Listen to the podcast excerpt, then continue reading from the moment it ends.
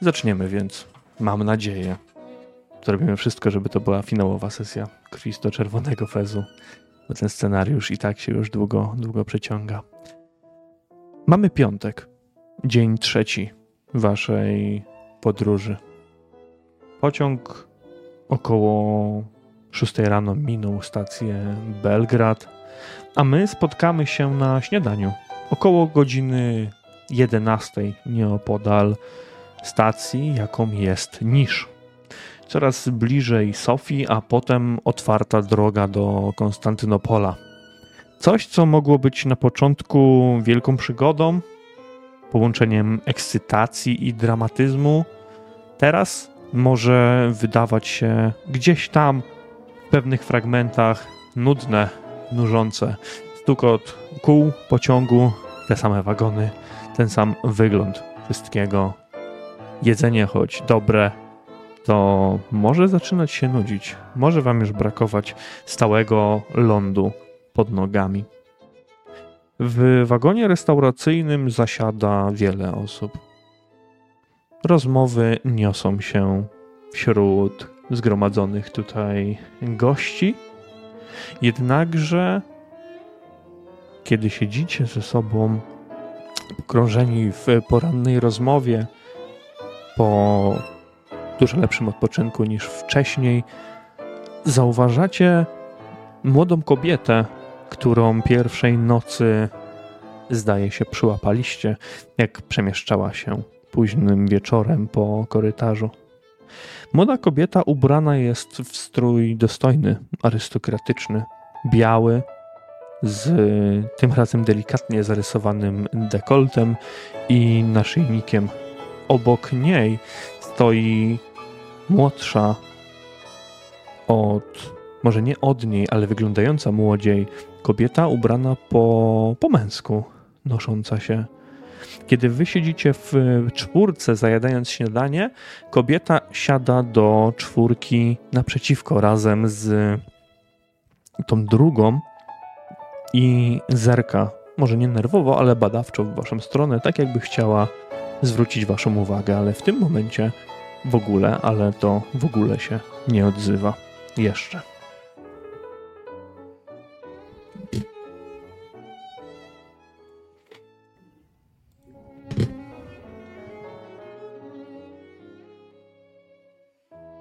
Cisza panuje między wami. Całkowita. Kiedy kobieta się dosiadła, zamilkliście całkowicie. Jakby dziwnym było to, że ktoś tutaj może przyjść. Jakby wasze zachowanie było dziwne. Kobieta jednak w końcu dyskretnie odchrząkuje, spoglądając w stronę czy to Żana, czy to Harego. George może siedzieć gdzieś dalej przy oknie razem z Amelią.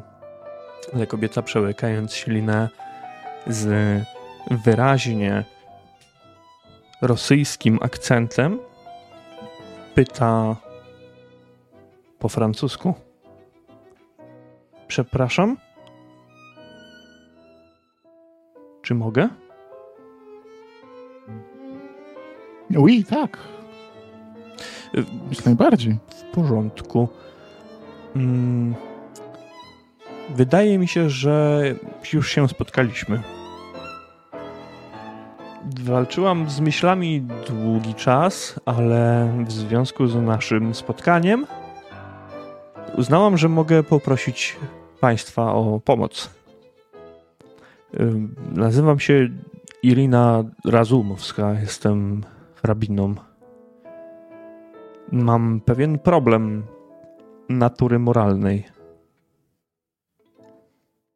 Ona cały czas mówi po francusku?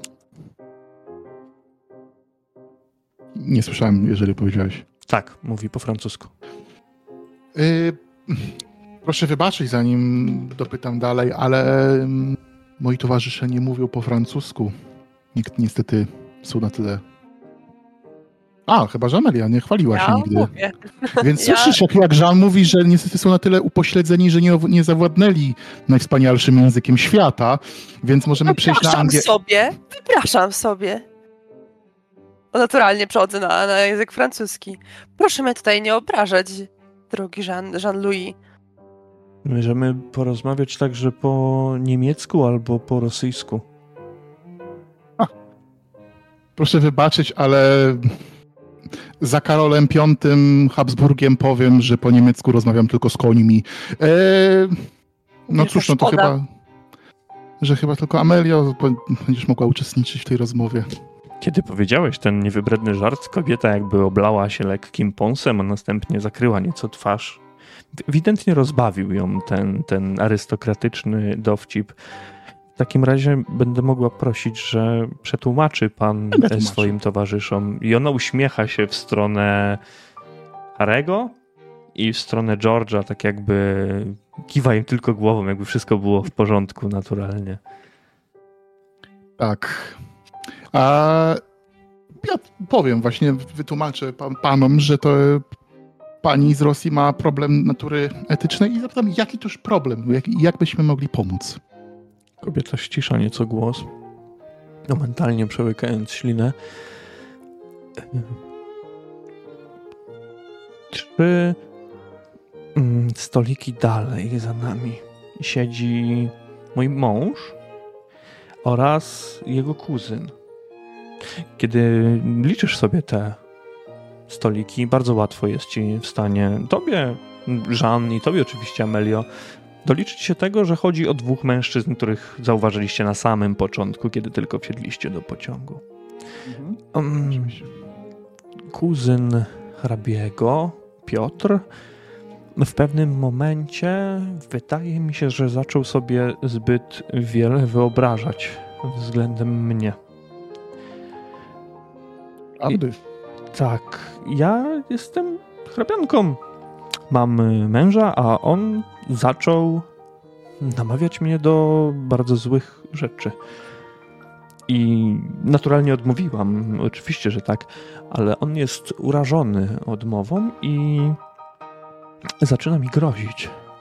A mm, muszę przyznać, że nieco mnie to niepokoi.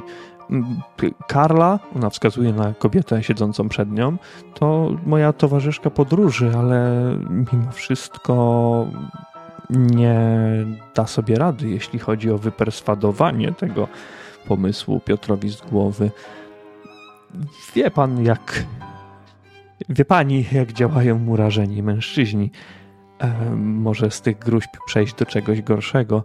I tak pomyślałam, że skoro już się widzieliśmy w niecodziennych warunkach, może bylibyście Państwo tak mili i udali się w wolnej chwili, aby porozmawiać z nim jako mój pośrednik.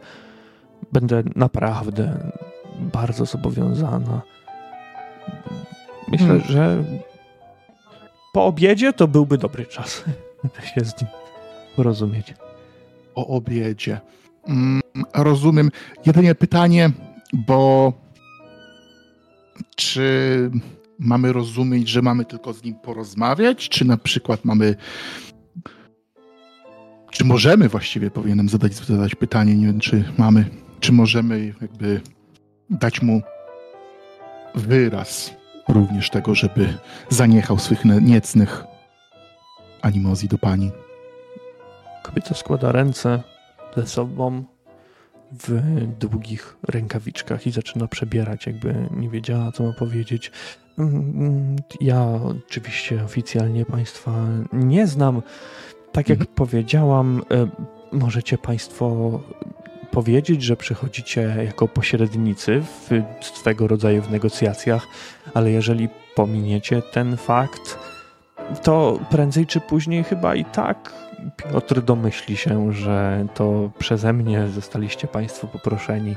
Nie chciałabym, aby jednak włos spadł z głowy. No, chyba, że chodzi o honorowy pojedynek. Rozumiem. Spo- Spoglądam na Amelię. Co ona na to Myślę, powie? myślę, że nie będzie problemu z tym, abyśmy porozmawiali z tym mężczyzną i mówili mu do rozsądku, przypomnieli mu, kim jest i skąd się wywodzi i czego mu nie przystoi naturalnie. Żeby tylko Państwo źle nie zrozumieli, Piotr jest kuzynem hrabiego i, i także wywodzi się z wyższych sfer, ale jest dużo, dużo mniej zamożny niż mój mąż. Oczywiście. Myślę, że damy sobie radę. Dobrze. y, Zdecydowanie. W takim razie, Karlo, udajmy się dalej. No, wstaje z gracją, dyga przed wami, a następnie przechodzi dalej w stronę dwóch mężczyzn, jakby mija ich najpierw, a potem gdzieś całkowicie wam znika z oczu.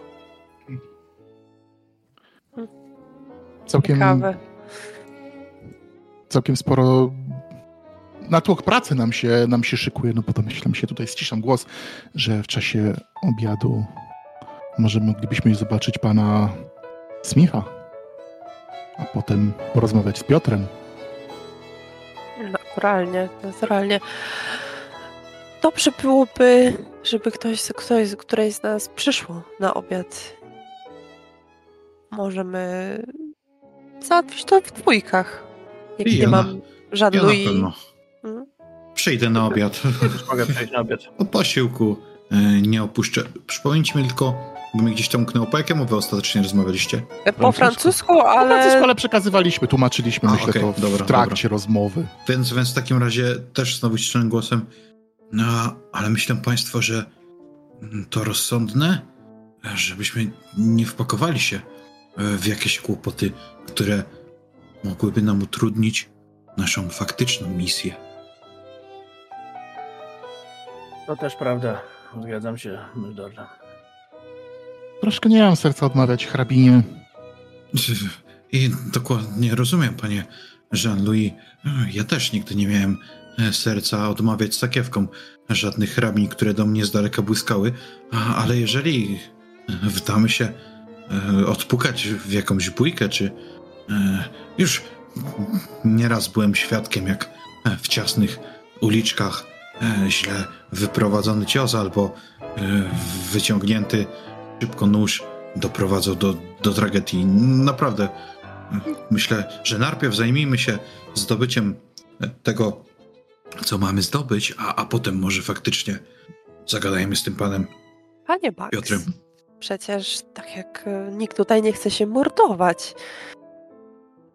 Co Najwyżej porozmawiać, a w razie czego może nieco poszarpać. No, groźby, groźby już padały. A, a dobrze wiem.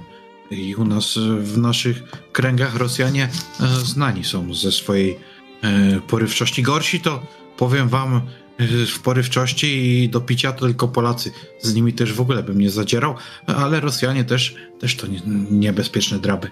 Kiedy George wypowiada te słowa, będę prosił was wszystkich o przetestowanie swojej spostrzegawczości albo nasłuchiwania.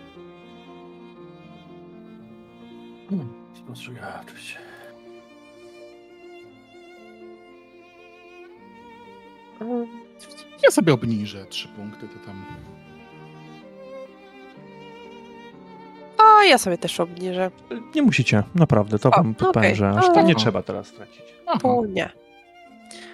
Wystarczy, że George, który wypowiada te słowa, mm, ten istny monolog przez chwilę, zdaje sobie sprawę, że tam za pleców mm, żona Louis i być może Amelie, skoro siedzą mm, naprzeciwko Harego właśnie i George'a, e, ty, ty Georgie, zauważasz, jak drzwi do przedziału e, restauracyjnego otwierają się, a do środka wchodzi Mencap, przytrzymując jakby młodą Ellie Myers, a za nimi do środka wkracza ten mężczyzna, który jest ich ochroniarzem. Menkap przytrzymuje Eli, która łuka jakby głośniej niż łukała dnia poprzedniego. Zajmują oni jakieś miejsce przechodząc obok was, ale Menkap mówi do niej na tyle cicho, iż nikt z was nie usłyszał dokładnie znaczenia, znaczenia słów.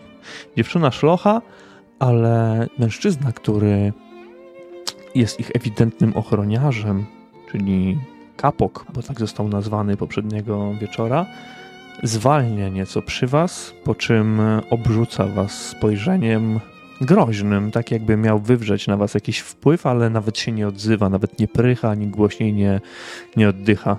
Zwolnił, wolniej postawił jeden krok i drugi, a następnie przyspieszył i dorównał do swoich towarzyszy, którzy zasiedli gdzieś praktycznie na końcu przedziału. Chyba ten goryl za nami nie bardzo przypada. Widzieliście, jak spojrzał? Burak jeden. To jest Pociąg- jego problem, nie nasz. Pociągu nie może nic nam zrobić, tak więc póki w nim jesteśmy, jesteśmy bezpieczni. My też nie możemy nic zrobić, ale w takim statusie quo możemy zostać. Moi drodzy, pociąg e, mknie dalej, a pora śniadania powoli, powoli zaczyna się kończyć. Tak jak powiedziałem wcześniej, minęliście stację Nisz około godziny 11, a Sofia, znajdująca się przed wami, to jeszcze około 5 godzin drogi. Do Sofii zajedziecie na pewno grubo po wydawaniu pierwszych obiadów. Takim razie, żeby nie mm, przedłużać tego w żaden sposób, chciałbym tylko poprosić Was o deklarację, co mniej, mniej więcej będziecie chcieli zrobić, włącznie z obiadem, bo jeżeli nic przed tym obiadem nie będziecie chcieli zrobić, pominiemy to po prostu. Ja chyba nie. Ja w trakcie tego myśmy, bo przypomnij mi, jeżeli, bo ja to tak pamiętam, że ona powiedziała, żeby najlepiej do, jej- do jej męża udać się w trakcie obiadu, kiedy ona z menkapem je obiad w jadalni, W trakcie prawda? posiłków, tak, dokładnie. Dobra.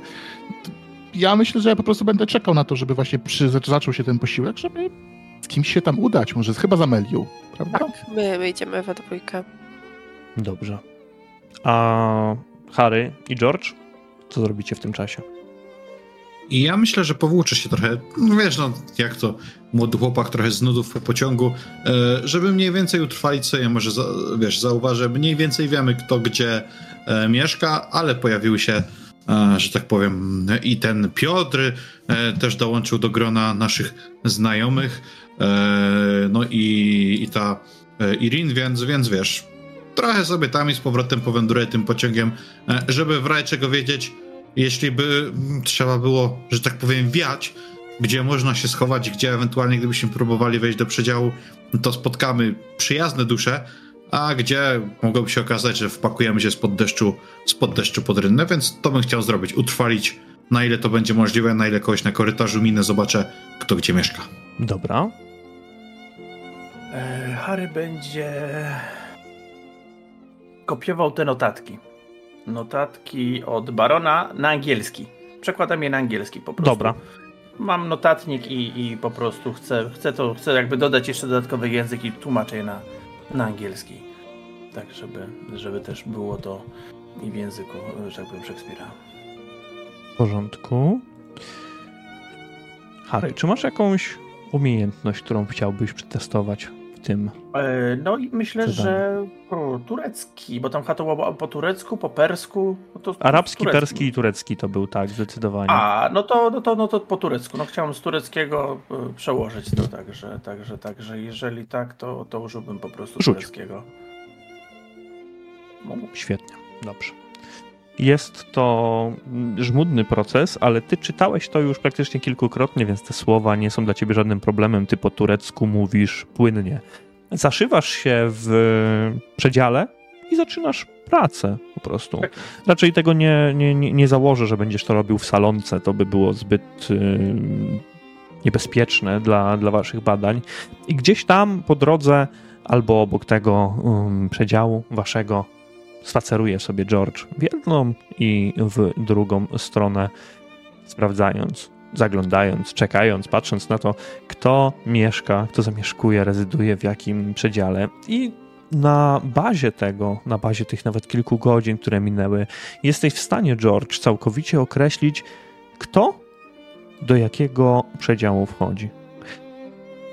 Przyjmijmy, że w wagonie sypialnym waszego, mm, waszym tylko konkretnie, mamy 10 przedziałów.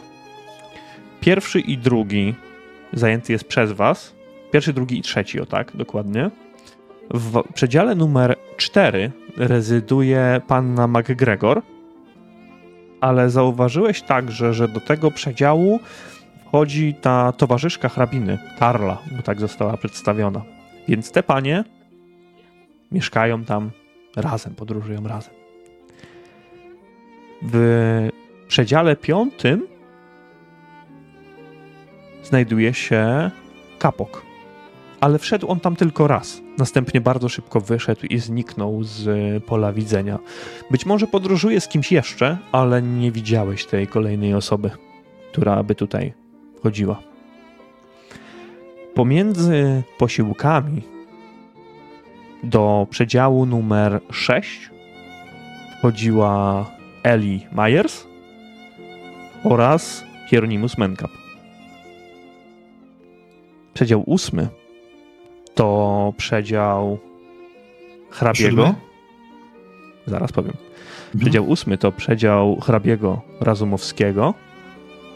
Przedział dziewiąty to przedział hrabiny Razumowskiej.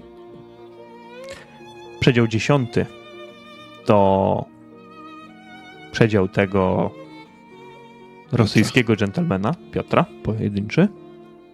Ale przedział siódmy, o który zapytałeś, co jest ciekawe, to przedział, do którego również wchodził Hieronymus Menkap. Wchodził i do szóstki, i do siódemki. Myślę, że w którymś momencie podzielę się tym z moimi towarzyszami, że mam takie podejrzenia, że mm, jeśli będą chcieli faktycznie e, wyruszyć i spróbować zabrać fest, tudzież pomóc tamtemu biedakowi, e, to to będzie albo w siódmym, albo, albo w szóstym przedziale, że tam gdzieś on będzie leżał.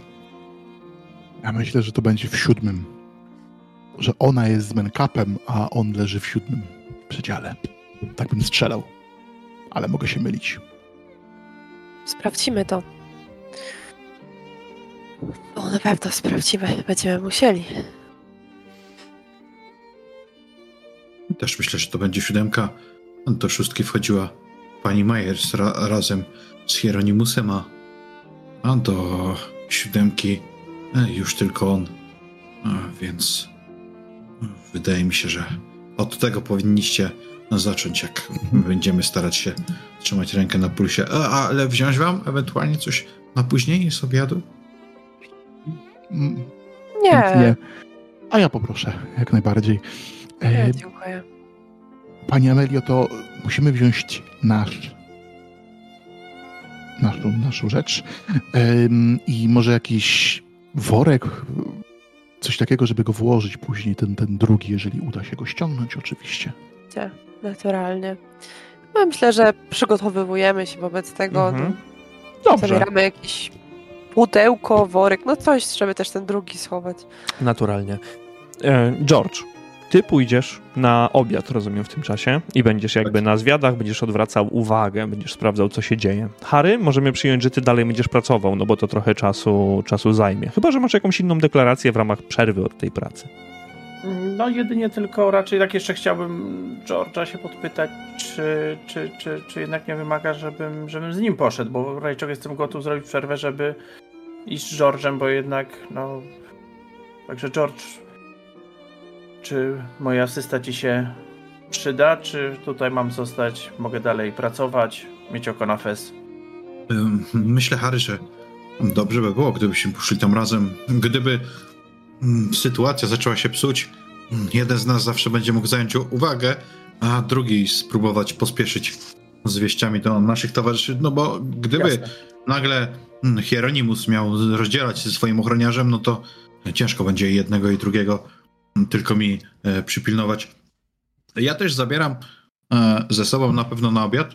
Wezmę sobie trzy piłeczki. Mam takie, powiedzmy, szmacianki i gdyby coś, to będę chciał tam spróbować pożonglować, e, zająć, zająć uwagę, więc ja właśnie sobie tam jakieś, jakieś takie założę, że przy, przy rzucie na zręczne palce, jeśli mi wyjdzie, to będę mógł jakieś takie, wiesz, proste sztuczki, nie wiem, jakieś trzy karty, tego typu rzeczy, e, no bo myślę, że zajmowałem się tym na ulicach, a żeby trochę w uwagę zająć, czy, czy rozerwać ludzi, to żeby coś takiego było. Dobrze, w porządku. Jeśli, jeśli mówimy o odwracaniu uwagi, możecie panowie udać się do przedziału. Ale wróćmy do Amelii i do Jeana Louis.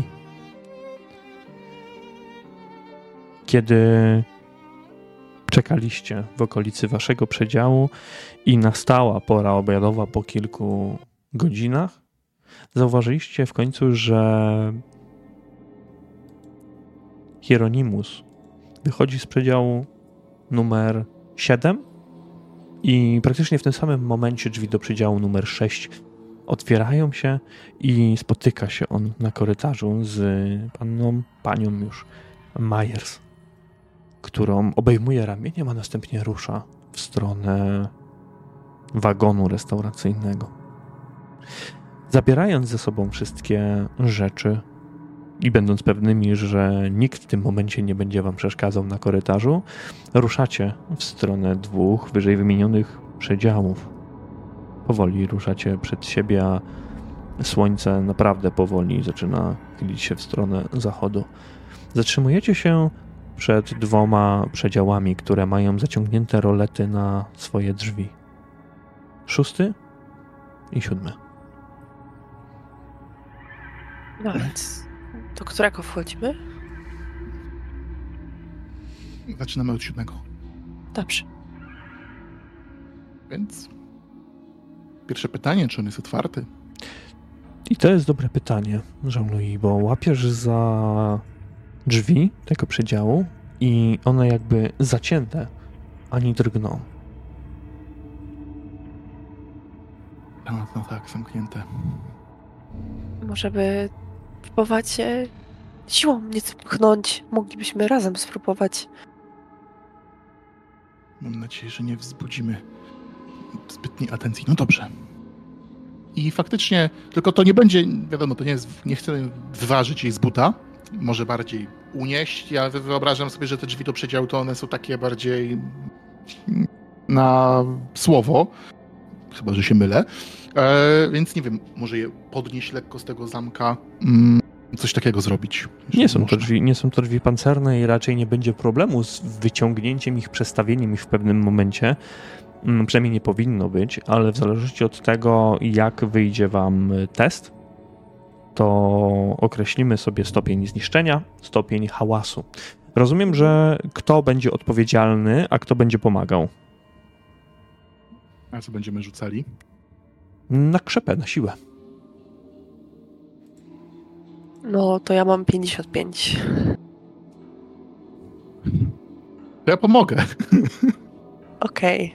No dobrze. Czyli To Amelia tutaj jako zaprawiona. Odstępuje kroku, ale no będzie, mocarzem nie jestem. będzie Ja pomagał. myślę, że tak, Amelia podciąga, podciąga rękawy. E, no dobrze. E, proszę się nie martwić, już to robiłam e, wielokrotnie. Może z Pana pomocą na pewno, na pewno się uda. No dobra. Poproszę cię o to, abyś rzuciła dwa razy, ponieważ dostajesz kość premiową za to.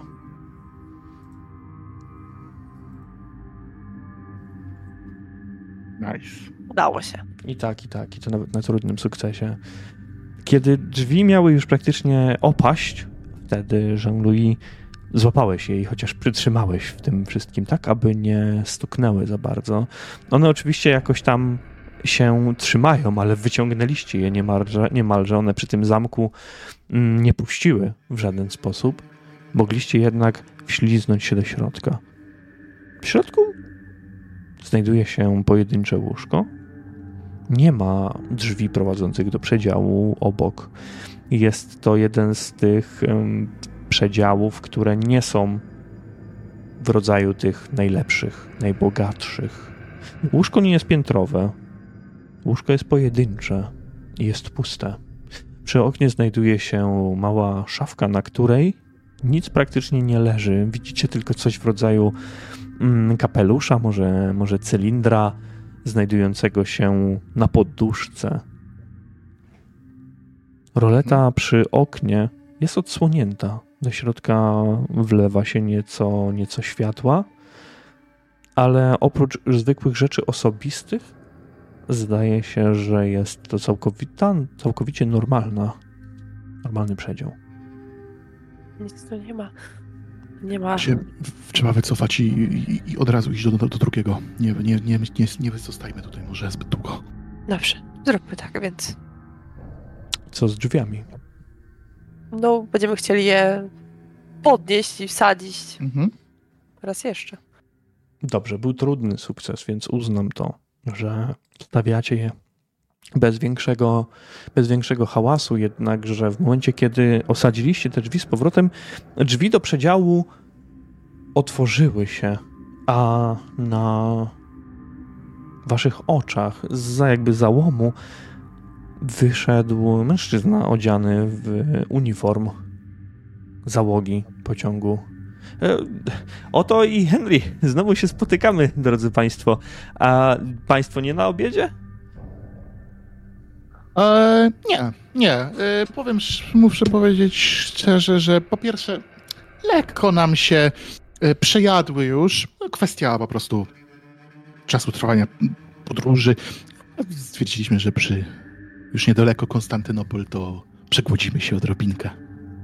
Wiesz, Tutaj z panią Amelią. Mówią, że to tak zdrowo. Nie, nie obiadać się za nas to.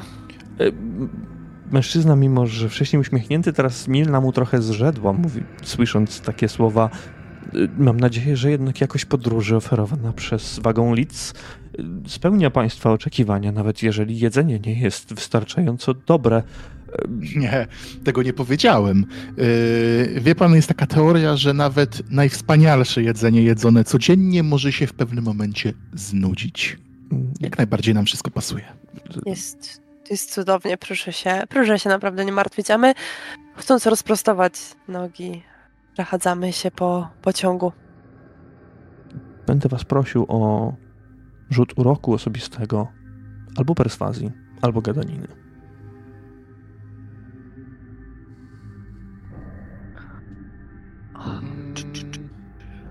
Ym, Perswazji. a u mnie ja już.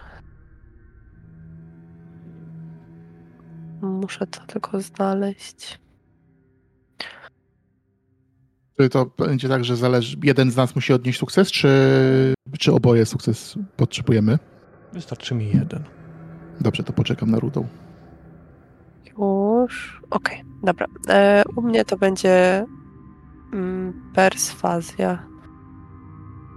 Oj, ja tu może obniżę sobie szczęściem. O jest. Mm, No dobrze, to jak obniżasz, to ja nie będę tutaj tego forsował. Mężczyzna znowu uśmiecha się.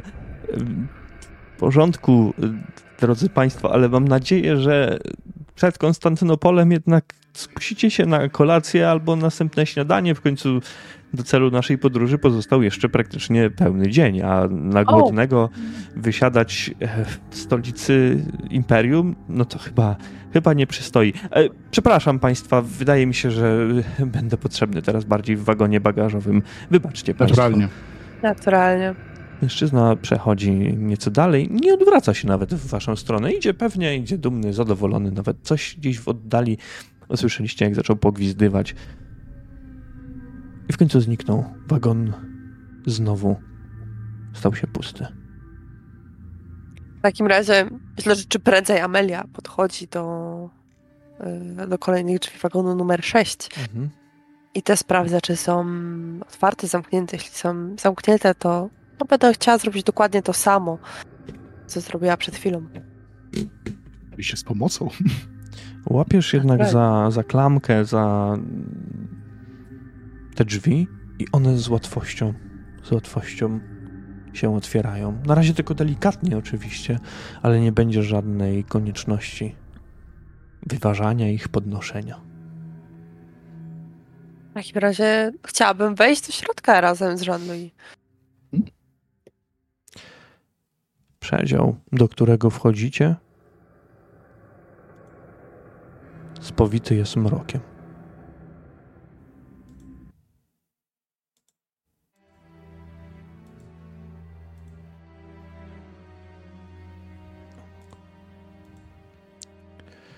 Zasłony na oknach zostały naciągnięte tak, że nawet jeden promień słońca nie wdziera się do środka. Tylko dzięki pamięci miejsca można zdać sobie sprawę z tego, co gdzie się znajduje, ponieważ większość tych przedziałów wygląda tak samo.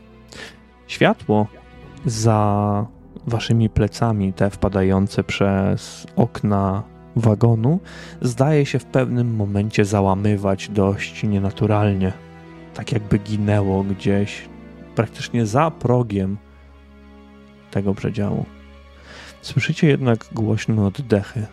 Oddechy mężczyzny, który prawdopodobnie leży na łóżku. Gdy przedział ten wypełnia się mimo wszystko drobną wiązką światła dziennego, tak jak powiedziałem, które załamuje się dość szybko, coś wydaje z siebie jakby syk, podobny do skwierczenia.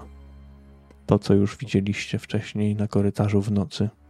Humanoidalna istota, nieco majacząca, niczym cień lub obgłok mgły, stoi przed oknem, wpatrując się w was brakiem oczu, ale jednak mimo wszystko widzi to coś na kształt cienia, co przypomina młodego mężczyznę z otwartymi ustami w niemym krzyku, z doprawionymi skrzydłami i z niekształconymi kończynami. I kolejny raz poproszę waszą dwójkę o rzut poczytalności.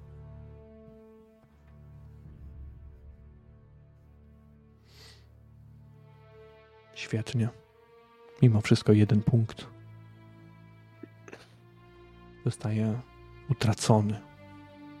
Mhm. Kiedy dajecie ledwo krok do środka, stworzenie to syczy na was bardzo głośno, a następnie wykonuje pierwszy krok w waszą stronę i drugi. Co robicie? Może to czas, żeby, żeby rzucić to zaklęcie. Mhm. Ja bym chciał, Mhm. bo jeżeli to. to no dobra, chciałbym, powiem, co chcę zrobić i zobaczymy, jak co wyjdzie z tego. E, chciałbym otworzyć drzwi tak szeroko, żeby światło dzienne z korytarza po prostu oświetliło tą bestię. Dobrze. Otwierasz te drzwi, otwierasz te drzwi jeszcze mocniej, jeszcze bardziej. Wiązka światła, która wbija się teraz e, głębiej do pomieszczenia, powoduje głośniejszy syk ze strony przedziału. Widzicie, że na łóżku leży mężczyzna, rozpalony, z rozpiętą koszulą, oddychający bardzo ciężko, a stwór, który zbliża się w waszą stronę nieubłaganie, który skwierczy i zapada się coraz bardziej, znika, ale próbuje machnąć swoimi łapami i skrzydłami w waszą stronę. Bardzo, ale to bardzo go przypomina. Kiedy jednak otwarte drzwi połączone ze światłem i bliskością tego stworzenia tuż przed waszą twarzą zdają się być kresem istnienia tego bytu. On wraca się, cofa, zaczynając z powrotem materializować, ale nie staje już przy oknie, a jakby zatrzymuje się, zawisa nad ciężko oddychającym mężczyzną i zostaje weń wchłonięty. Yy, wobec tego Ame- Amelia chciałaby podejść do tego okna i je odsłonić jak najszybciej. Żeby, tym czym, mom- Mhm. Nie do końca żeby kończy. po prostu e, oświetlić to pomieszczenie. A ja chcę zamknąć drzwi tak, żeby nie rzucać, e, nie, nie mm, podawać, po- powodować podejrzeń. Po prostu. Zamykacie drzwi i podwijacie roletę, wpuszczając światło słoneczne do pomieszczenia. Mężczyzna, który leży na łóżku, jest rozgorączkowany, a na głowie jego znajduje się czerwony fez. Bardzo ciężko oddycha. Mężczyzna głośno kaszle w tym momencie. W momencie, gdy cień ten wszedł jakby w jego ciało, wniknął, ale nie, nie odzywa się. Jakieś majaki, burczenie pod nosem i próba przesunięcia się po łóżku, wbicia paznokci w posłanie. Ale nie ma siły. Amelio, teraz. Teraz kwestia, muszę go dotknąć, żeby rzucić to zaklęcie. Wyciągam go naturalnie. Myślę, że mamy to już obcykane, e, co, co, co trzeba zrobić, że to tak powiem. Mhm. E, więc wyciągam, od, odsłaniam ten fez z tego worka, tak, tak żeby go nie dotykając, żebyś, e, żeby właśnie zostawić Jean-Louis, żeby to on mógł go dotknąć. A ja chcę go złapać jedną ręką i jak tylko go złapię, jeżeli mogę oczywiście, jeżeli tam nie dostanę, nie stracę takiej możliwości, chcę zainkantować, jeżeli tak to się mówi, rzucić inkantację. Eee, zaklęcia, które wyczytaliśmy, które poznaliśmy.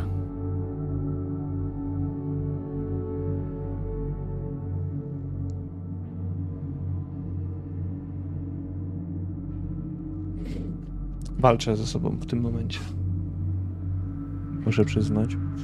No bo tak to zrozumieliśmy, Ale że właśnie my... chcę wam powiedzieć, że może, może to była moja wina ze względu mi- mistrza gry, jak to opisywałem, ale wy musicie dotknąć fez ofiary, A, Aha, żeby wstrzymać No to ja to- Ja tak to zrozumiałem, nie, nie, no tak. nie, nie, to ja to zrozumiałem, że to trzeba dotknąć tamten fez, że to trzeba dotykać To by nie miało sensu, tak ogólnie. No nie no, miało. Czemu miało? Gramy w Cthulhu, tu wszystko nie ma sensu. E, znaczy, jeżeli mogę, no to bym odwołał to i bym... Możesz, tak, dlatego Dobra. nie, nie chcę tego, nie chcę robić tak, że zadeklarowałeś, więc to się dzieje i koniec, bo Mhm. wydaje mi się, że to po prostu jest nasza pomyłka, a nie coś, że, że ty podejmujesz taką decyzję.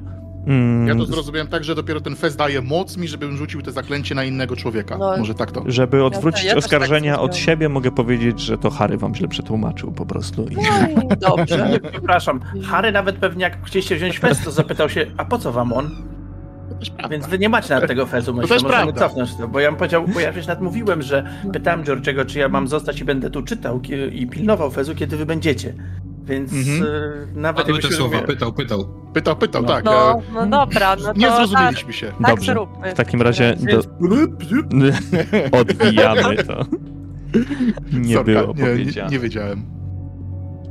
Zamotaliśmy się. Zatem ponownie, zatem biorę fez, dotykam fez, e, który jest na głowie Mufiego Mościa i będę chciał rzucić zaklęcie.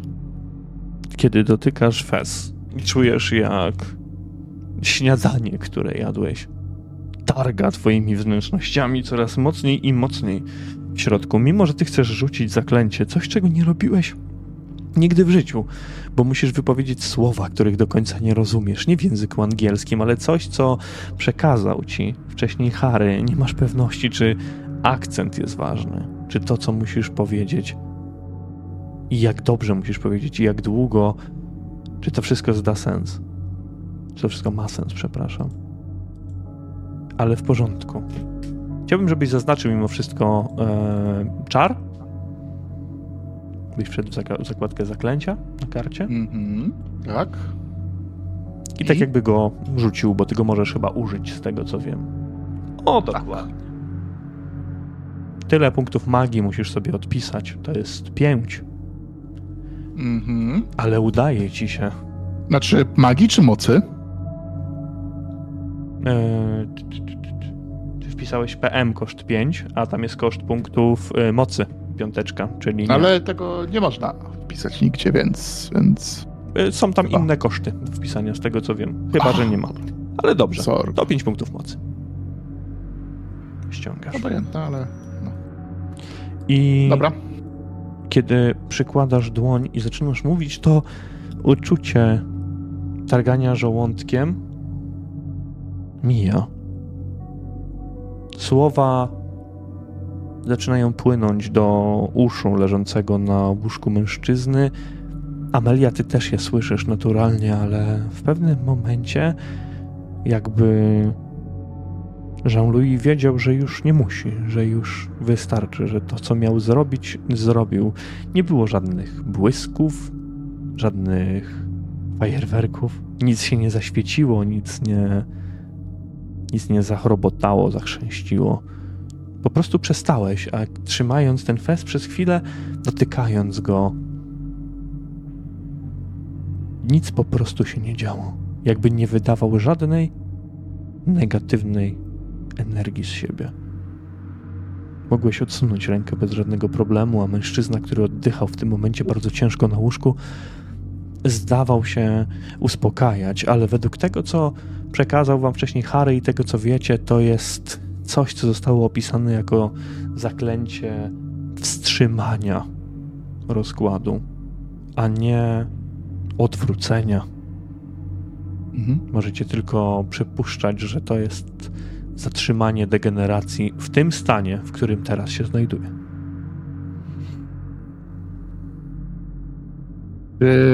Ten fez, on wrasta w głowę tak jak było w przypadku Tuka. Puka. Przyglądasz się teraz nieco, nieco bliżej i, i jesteś w stanie naturalnie stwierdzić, że może nie jest to takie stadium wrostu, wrośnięcia e, tkanki w fez i fezów w tkankę jak u Matthew Puka, ale ten proces już się zaczął. Nie da się ściągnąć tego fezu tak o, po prostu z głowy. Ja to mówię, Ameli. Nie możemy tego ściągnąć, Emelio, a operować go tutaj i ściągać to chirurgicznie będzie strasznie ciężko. Poza tym oni zaraz mogą się tu pojawić. Może jeżeli wstrzymaliśmy to, może przenieść tego mężczyznę do tego innego przedziału, gdzieś, gdzie ona będzie mogła z nim porozmawiać. Przecież on, oni go dowiedzą się i go już będą szukać. Nie można przecież tak po prostu porwać człowieka. Wiem, aczkolwiek straszne. Straszne. Dla, dlaczego? Tylko zadeklaruję, że w międzyczasie się rozglądam się, bo może jest tutaj ta księga, o której mówił hrabia. Ciężko jest dostrzec tutaj nieco więcej, nawet w świetle dziennym, ponieważ to jest tak samo mm, mały przedział. Mimo wszystko łóżko, które znajduje się tutaj, jest łóżkiem piętrowym. Tego nie zaznaczyłem na samym początku. W wagonie restauracyjnym, panowie, ty, George, nawet nie musisz nikogo zabawiać w tym momencie, ponieważ Hieronymus, panna Myers, Kapok siedzą razem w jednym z boksów, przy jednym ze stoliku, stolików i jedzą. Nie widzisz też, że przy, czy przy wejściu do wagonu ktoś się kręci. Nie ma tam nikogo, nie ma tam też twoich towarzyszy, waszych towarzyszy, bo Harry również jest tobą. Jednakże delikatne uczucie niepokoju narastającego gdzieś w środku zaczyna powoli, powoli dominować. Może już powinni wrócić, może już powinni się pojawić, ale nadal tego, nadal tego nie robią. Jean-Louis, um, Mhm. Amelio, chciałbym, żebyście rzucili sobie na spostrzegawczość jeszcze raz tutaj.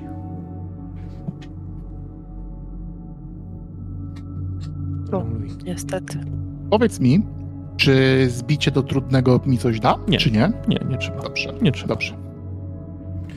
Zazwyczaj, jeżeli będzie różnica w poziomach, ja będę was pytał, czy, czy chcecie zbijać nieco niżej, nie? No. No, Możemy dobra, się tak, możemy się tak umówić.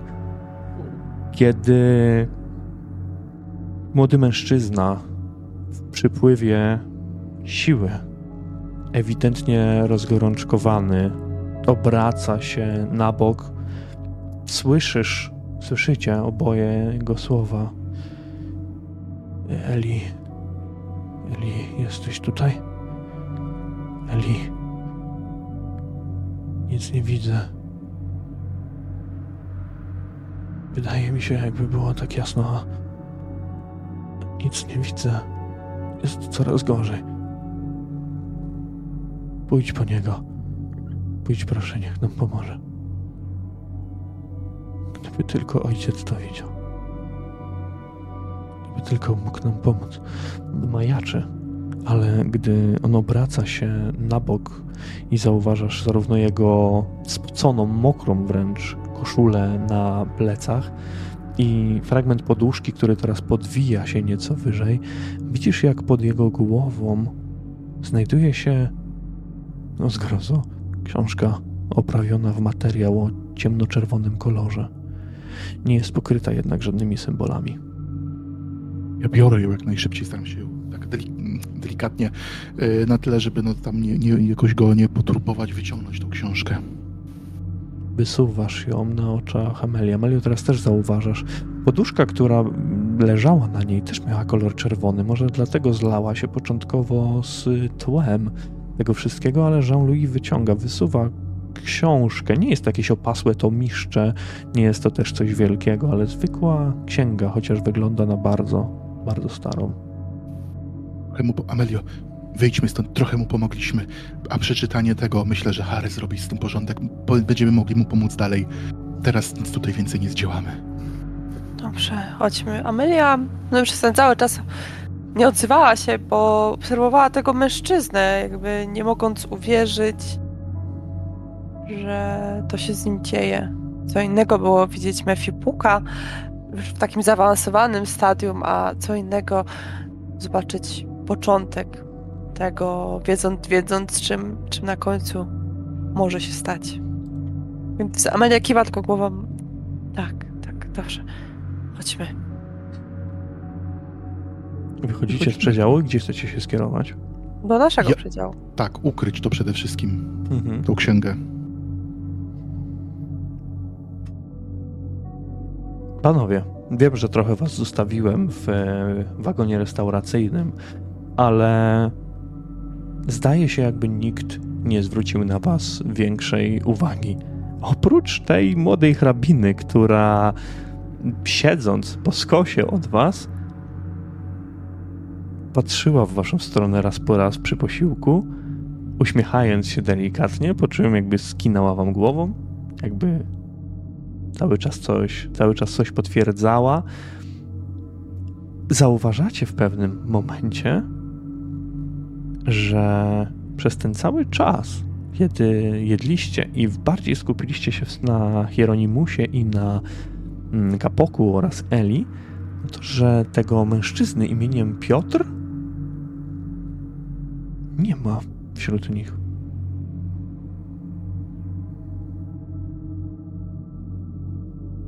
Wasi towarzysze nie przychodzą, mimo że pora obiadowa zaczyna się już powoli, powoli kończyć. Mimo, że pora obiadowa się kończy, to George tak naprawdę za wiele nie zjadł. Gdzieś tam postukiwał po prostu w stół, rozglądał się ukradkiem i w pewnym momencie, em, gdy już widział, że tak naprawdę większość osób kończy już swoje posiłki, zaczynają e, powoli do końca opróżniać talerze. Niektórzy pewnie już widocznie zaraz będą zbierać się, żeby opuścić e, właśnie wagon restauracyjny. E, Panie Harry, co robimy?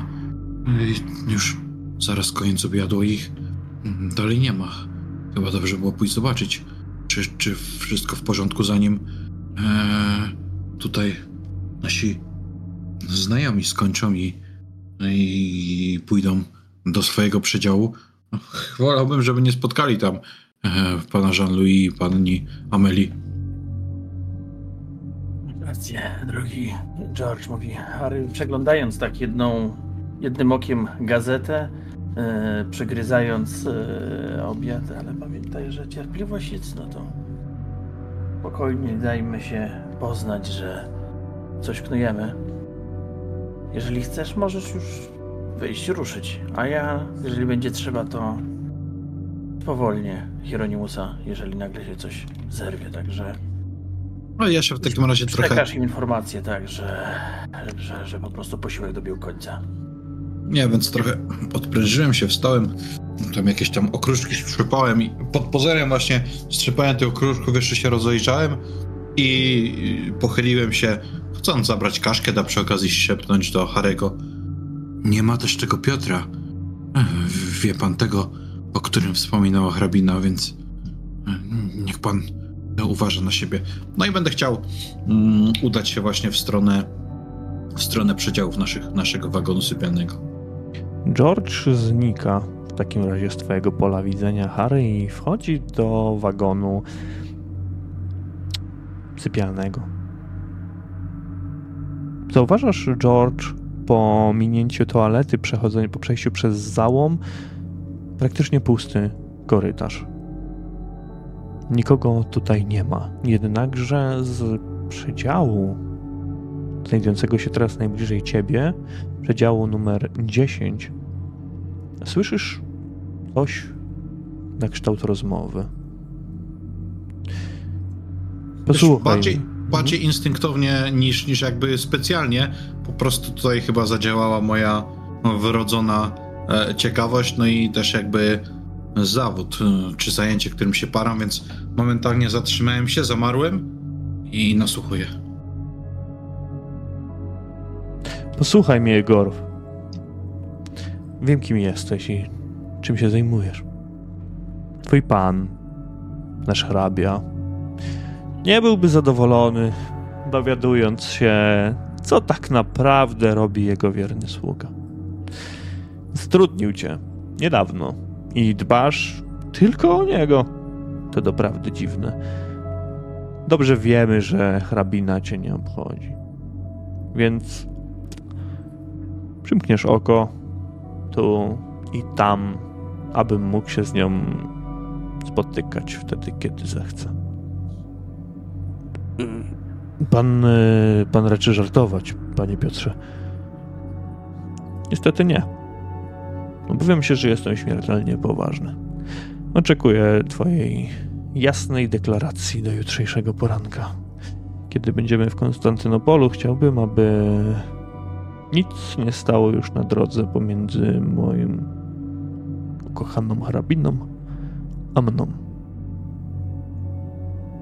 Nie słyszysz już żadnej odpowiedzi, ale w pewnym momencie, gdy się zatrzymałeś, może kilka kroków za tym przedziałem, zauważasz, jak drzwi do przedziału numer 6 otwierają się, ze środka wychodzi Jean-Louis i Amelia, a za twoimi plecami drzwi do przedziału numer 10 także się otwierają.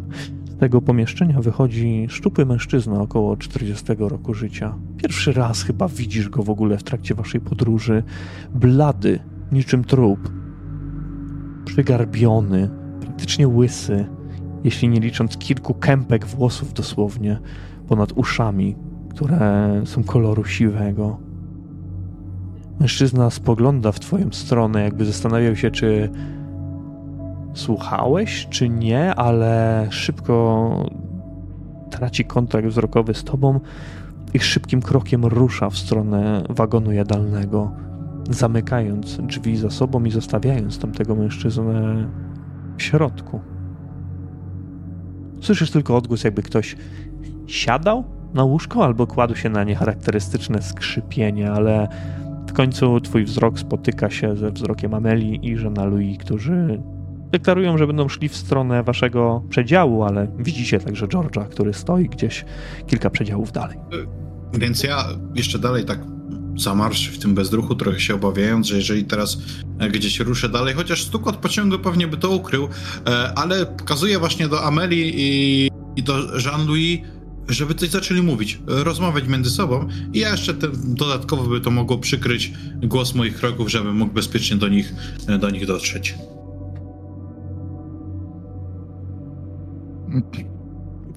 Mówiąc to może powiem właśnie, że Amelio, chodźmy do, do pokoju, do, pomiędzy do swojego e, przedziału. E, Dobrze. Tam się spotkamy. Naturalnie, dobrze. Dobrze, nie ma najmniejszego problemu. Ja mówię to jakby troszkę głośniej. Ja, ja jakby wykorzystam to, to podchodzę, podchodzę do nich i, widząc, że idą w stronę przedziału, no to idę, e, idę, idę, idę za nimi, żeby, żebyśmy jednak razem, razem tam się udali. Kiedy wejdziemy do przedziału, ja będę chciał usiąść i zobaczyć tak naprawdę, bo ja nie przeglądałem, ja to myślę, że trzymałem to pod, pod połu e, marynarki. Będę chciał sprawdzić, co tak naprawdę znaleźliśmy. Dobrze.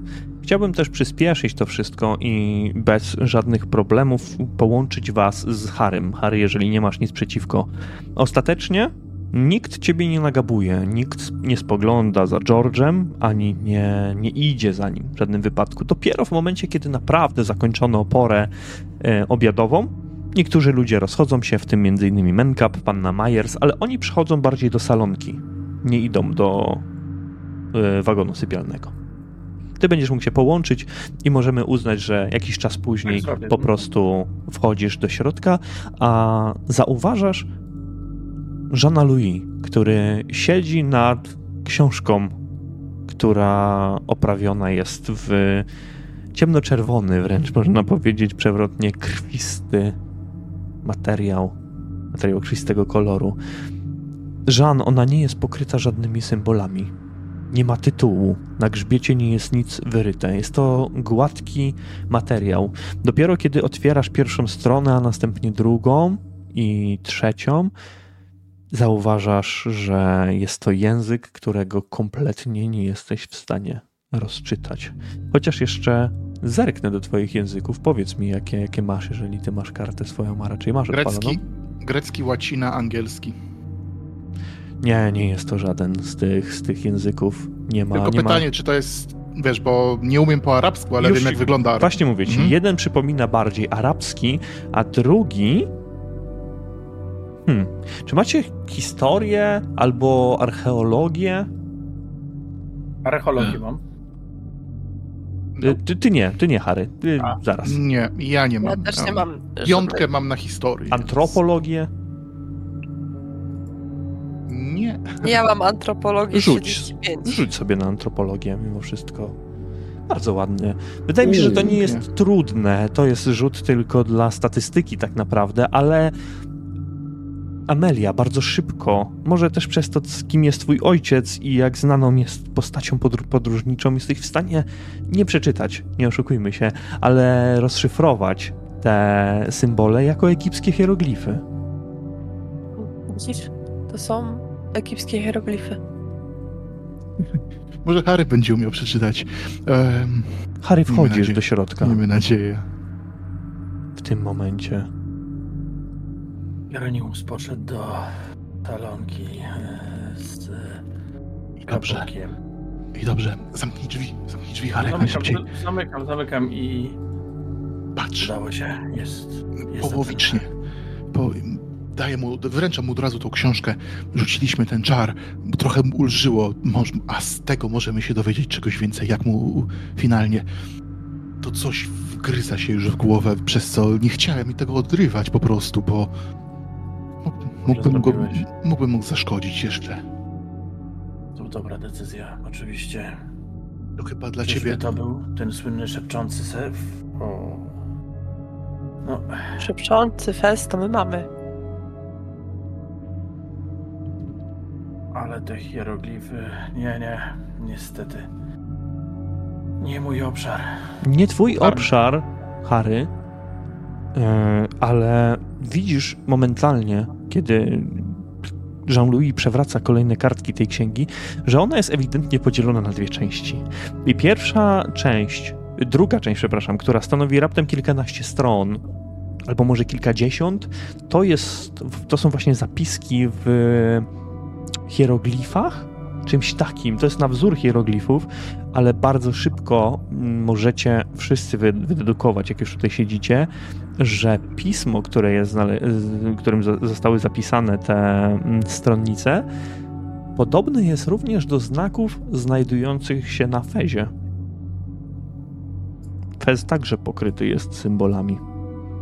Dlatego widzieliście je już wcześniej. One przypominają hieroglify egipskie, ale może nie są całkowicie nimi jeden do jednego. Pierwsza część jednak może cię ucieszyć, Harry, ponieważ pierwsza część, zdecydowanie większa, to część zapisana w języku perskim. Może jednak do końca nie jest to dla nas księga niezrozumiała. Widzę tu trochę po, po persku także. Przede wszystkim widzisz coś w rodzaju tytułu. Autor się nie podpisał, ale coś w rodzaju hmm, takiej przygrywki na samym początku jest umieszczone i bez żadnego rzutu na język perski w tym momencie jesteś w stanie rozczytać to, poświęcając chociaż chwilę, że zapisano tam o Fezie, który szepcze.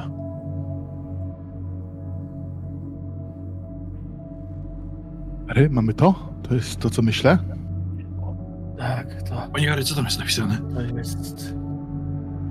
Tytuł jest o fezie, który szepcze, także myślę, że Dobrze. Trzymamy w ręku właśnie prawdziwy artefakt. I odpowiedzi na nasze pytania. Harry, musisz to prędzej przestudiować, przeczytać i może jeszcze będziemy w stanie mu pomóc. A my powinniśmy się zająć tamtym kuzynem hrabi. Nie wiem, czy tak zdążę szybko to, to, to przejrzeć. Oczywiście Może ja ci pomogę. Może znowu panno Amelio z panem George'em zajmiecie się tym hrabiną, a my z Harem przebadamy, przebadamy tą księgę, jeżeli będę mógł jakoś pomóc. No dobrze, no dobrze. Chodźmy w takim razie, panie Banks. Jarko, jeszcze tak, e, panowie, tylko nie chciałbym was poganiać oczywiście, ale e, co się stanie, jak zauważam e, braku, brak księgi, bądźcie proszę ostrożni, ten kapok wygląda na paskudnego typa i wychodzę za Amelią. A my chyba z Harem będziemy... tak, Ja tak, no sobie- nie, będziemy tra- nie traćmy czasu, jeżeli faktycznie tu się zaraz może zrobić gorąco, a coś tu... Moja pomoc, ja, ja myślę, że moja pomoc będzie polegała na tym, tak jak wcześniej czytaliśmy, to i Harry tłumaczył, to ja teraz będę po prostu to spisywał. Starał się robić notatki ewentualnie. Dobrze, poproszę was w takim razie, przyspieszając trochę, o testy Mhm. inteligencji, panowie.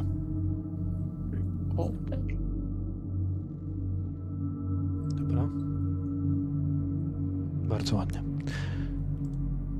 Mądre chłopy. Mądre.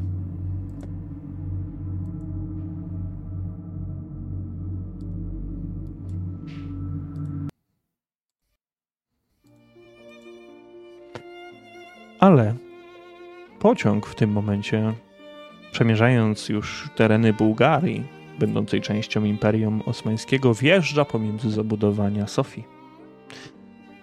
Poprzez okna wagonów uderza w was mieszanka wpływów wschodu i zachodu.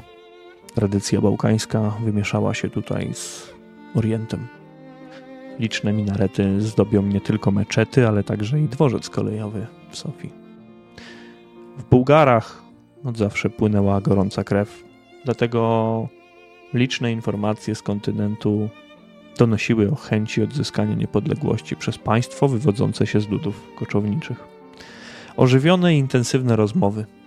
Gwar miasta wlewa się przez otwarte okno wagonu, kiedy pociąg zatrzymuje się na stacji Sofia chwilę po godzinie 16. Harry i Amelia ruszają do Piotra. Dobrze. George. No nie Harry. E, przepraszam, George. Amelia, naturalnie, przepraszam. Ruszacie do Piotra. Kiedy pociąg zatrzymuje się na stacji, drzwi do przedziału numer 10 otwierają się i niemalże pół kroku przed wami swoją nogę na zewnątrz wystawia jakże mimo wszystko atrakcyjny mężczyzna, dość dobrze ubrany. Spoglądając w waszą stronę, bardziej w stronę Ameli, uśmiechnął się tylko całkowicie szarmancko. Ja o, oczywiście odwzajemniam ten uśmiech e, równie, mm, równie pięknie i uwodzicielsko, tak jak on. Witam. e, Nie wydaje mi się, abyśmy mieli przyjemność się już spotkać. E, Piotr Trubowski, hrabia. Mężczyzna mówi po angielsku, ale z problemem mimo wszystko. Czy zna może pani język francuski? Ja od razu e, nie odpowiadam po angielsku, od razu przechodzę na francuski, ależ oczywiście. Ja tylko tak wzdycham. Znowu nie będę wiedział, o czym mówią, no nie? I wiesz, gdzieś tam się opieram o ten przedział, czekając Cudownie. po prostu. Może chciałaby mi pani potowarzyszyć w drodze do salonki, odsyłając uprzednio swojego sługę? A z wielką przyjemnością panu potowarzyszę. E, I nazywam się Amelia Meadowcroft. Ja wyciągam w jego stronę dłoń naturalnie. On ujmuje twoją dłoń i delikatnie ją całuje nawet, uśmiechając się. Cóż, zawsze mówiono mi, że mam słabość do kobiet i hazardu. któreś z nich jest prawdą. Um, Ciekawa jestem, które. mężczyzna spogląda w stronę George'a i jakby możesz iść, mówi takim łamanym angielskim, jakby odtrąca cię niczym muchę. Ja kiwam mu głową, że tak, ale liczę, że George mimo wszystko będzie gdzieś tam się trzymał z tyłu. Ja wzruszam ramionami, odwracam się i idę w stronę naszego przedziału. Mężczyzna podaje ci jakby dłoń. Ujmuję ją. rękę I wprowadza cię ostatecznie do wagonu salonowego. Kiedy wchodzicie... Jak usłyszałem, wiesz, Tak? e, te zamknięcie drzwi między wagonami, to zawróciłem napięcie i wiesz, i ruszyłem już w pewnej odległości e, za nimi. No i cały czas trzymają się te jedne, jedne, jedne drzwi. Za powiedz mi, tak technicznie, jak te drzwi są zrobione? Nie wiem, tam są jakieś szybki, że mogę obserwować, Tak. co się dzieje dalej, czy... Okej. No to ja wiesz, tak będę cały czas te jedne czy dwa drzwi za, żeby gdzieś tam rzucając okiem przez tą szybkę w razie czego ich, ich widzieć. Dobrze, ja będę ciebie prosił o test ukrywania. Chyba, y, teraz tak, i dostaniesz ode mnie kość premiową, chyba, że nie chcesz z niej korzystać. Nie chcę. Dobra. Bez żadnego problemu. Do tego bym- stopnia się ukryjesz, że nawet Amelia ciebie nie, nie zauważy, że tam jesteś. Wchodzicie do wagonu salonowego, w którym y, zasiadają liczni pasażerowie. Między innymi Mogę hrabina i przerwać na hrabia. sekundkę? Możesz. To w takim razie, jeśli ja widzę też przez tą szybkę, że tam jest wie, więcej pasażerów i chwilowo Ameli nic nie grozi, to chciałbym zrobić te kilka kroków e, w tył i zobaczyć, czy będę w stanie zajrzeć do tego przedziału dziesiątego. Być może go przeszukać, być może jakiś hak znaleźć na pana Piotra. Naturalnie. Cofasz się w stronę przedziałów, do, do przedziału 10 i wchodzisz do środka. On nie, nie zamknął go w żaden sposób na klucz. Po prostu oczarowany chyba Amelią zapomniał o, o całym świecie. W środku zauważasz porozrzucane rzeczy, kilka kartek, jakby listów, coś takiego, leżących na łóżku, kilka ubrań leżących na szafce, ale to jest bardziej w nieładzie. Dobra, to ja tylko zgarnę jeden list. Mhm. Zakładam, że nie wiem, po jakiemu jest napisany, wiesz, jakiś gdzieś tam bardziej spod spodu, żeby, żeby jednak nie, nie ten pierwszy z góry. E, Potem może zapytam, zapytam jakby, no bo rzucając okiem widzę raczej, że one nie są po angielsku, no nie? nie, nie, po, Zakładam, po że- francusku że to- są zdecydowanie. No właśnie, więc, więc wiesz, jeden czy dwa gdzieś tam z wierzchu, w zależności od tego, ile ich jest zgarnę, ukryję, schowam po prostu na razie gdzieś za pazuchę, no i potem w wolnej chwili e, zapytam kogoś z moich towarzyszy, e, czy, czy są w stanie odczytać, e, co tam jest napisane i, i może coś, coś dla nas to będzie. No i potem wracam na, do swoje stanowisko przy drzwiach, żeby tam przez szybkę spozierać. W tym momencie Amelia już zasiada na jednym z lawendowych foteli, a naprzeciwko niej zasiada Piotr, który podaje ci także coś do picia.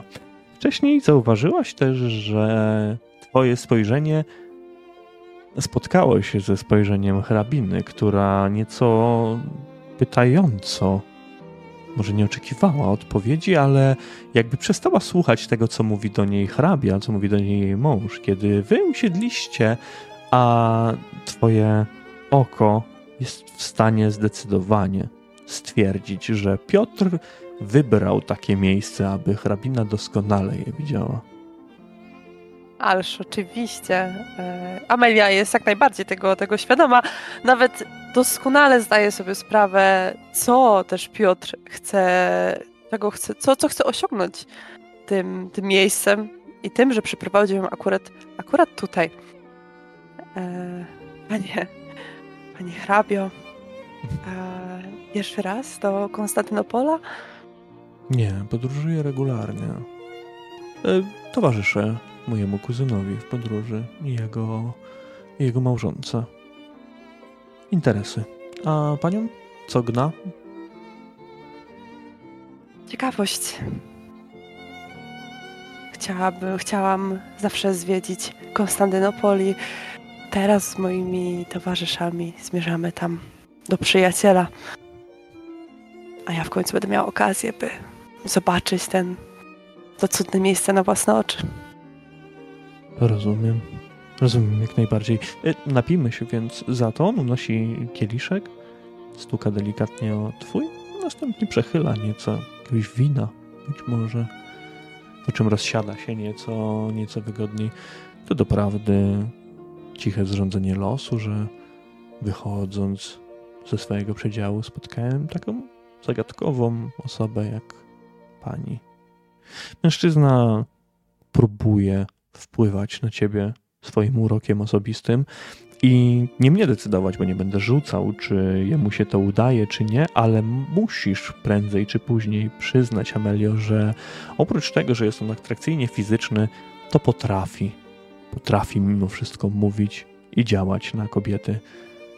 Zdajesz sobie sprawę z tego, że to, że hrabina potrafiła mu odmówić, musiało być albo hmm, spowodowane jakąś niechęcią do niego, o której wie, albo po prostu wierność mężowi stawia ponad to. Jak będziesz chciała rozegrać tę sytuację? Powiedz mi, bo nie będziemy rozgrywać całego smoltoku pomiędzy wami. Na początku chciałabym, mm, że tak powiem, uśpić jego, jego czujność i być może możemy to zagrać e, w ten sposób, że Amelia na, na początku, że tak powiem, straci głowę do swojego zadania, dając się w jakimś stopniu oczarować e, słowom Piotra, jego, jego urodzie oraz e, temu, jak, jak doskonale potrafi dobierać słowa, jak zasypuję komplementami, bo bądźmy szczerzy, szczerzy, każda kobieta lubi słuchać komplementów, aczkolwiek e, w pewnym momencie Amelia będzie chciała e, skierować temat rozmowy na hrabinę, oczywiście e, zachwalając, że jest taka piękna, taka urodziwa, taka dostojna i rozmowę poprowadzić w taki sposób, żeby w końcu dać dosadnie do zrozumienia, że jest to wielka dama. Taką damę należy, należy traktować przyzwoicie i nie wypada się jej nagabywać, czy też zmuszać ją do czegoś wbrew jej woli, co podam tutaj jako, jako przykład, byłoby bardzo nie na miejscu zma zmagać się o jej zalety i względy, kiedy ona odmawia. Czyż nie? I to też to tak zasugerować może takiemu hrabiemu jak jemu, to przecież nie, nie przystoi. Wjechać właśnie, chciałabym wejść na jego ambicje. Dobrze. Odnieść się do tego. Dobrze. To najpierw zrobimy to sobie dwoma rzutami w twoim mhm. wypadku. Najpierw jak bardzo on będzie oczarowany tobą, czyli to jest test wyglądu albo uroku osobistego. O ile naprawdę pójdzie w to. Dobra, to ile... wygląd. Mhm. Może nie jakoś zdecydowanie, ale na pewno jest szczery w tym wszystkim, że, że jesteś dla niego osobą atrakcyjną. E, a drugi test, no to już jakaś umiejętność interpersonalna, ale bardziej związana z perswazją.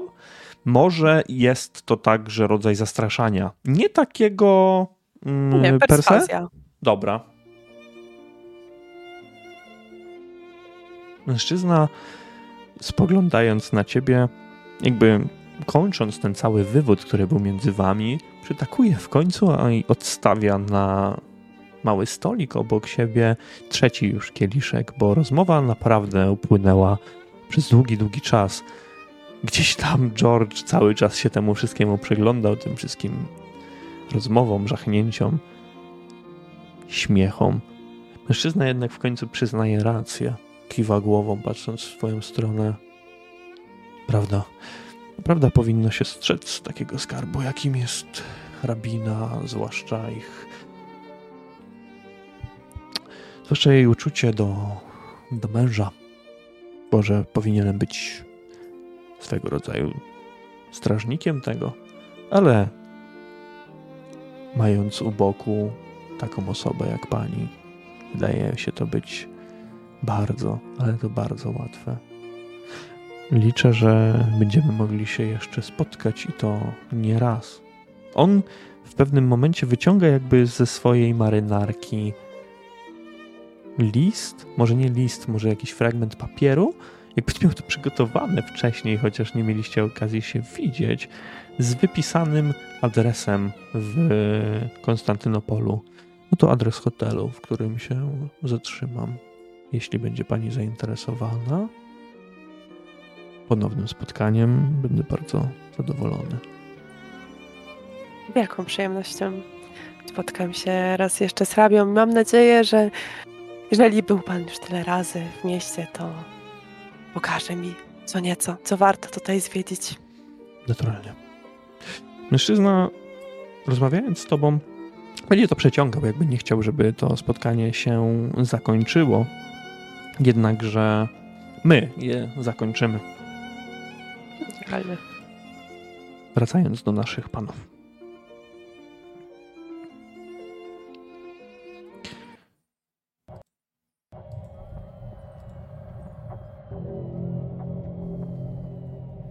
Długa to była lektura. Długa to była lektura i zajęła sporo, sporo czasu.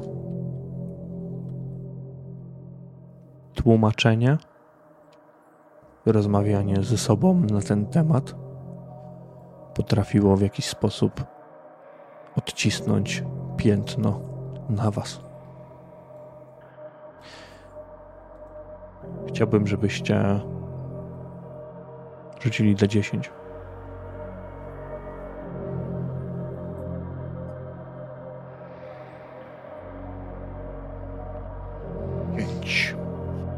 Tyle punktów poczytalności tracicie. To jest rzut na inteligencję. Ojej, to nie, to nie na inteligencję, to zapominam, że przed repetycji muszę włączyć. Jasne. Już zmniejszyłem poczytalność. I na inteligencję jest, jasne. Niestety weszło. Mhm. Bardzo dobrze. Niestety bardzo dobrze weszło. Nie będę mówił o atakach szału. Fobię i manię odstawiamy, ale przedział, do którego wrócą Amelia i George, nie będzie już taki sam z pewnością. Będę chciał, panowie, abyście to wy odegrali nagłą utratę poczytalności spowodowaną tym, co właśnie przeczytaliście. Przeczytaliście pobieżnie i szybko. Część księgi, która została spisana w języku perskim i opisuje konkretne sposoby wykorzystania krwisto-czerwonego fezu oraz jego właściwości, a przede wszystkim fez jako możliwość wezwania Joksotota, bóstwa, opisanego dość enigmatycznie, ale stwór ten miałby obdarzyć osobę, która go przyzwie swoją mocą. Jakże błaho i jakże płytko to brzmi. Coś, co czytaliście już wielokrotnie, mając okazję rozmawiać z profesorem Smithem, ale dobrze wiecie, że to nie są bajki, że ludzie, którzy wierzą w coś takiego wystarczająco mocno, są w stanie zrobić wszystko, aby ich wizje się spełniły. Ale to nie wszystko.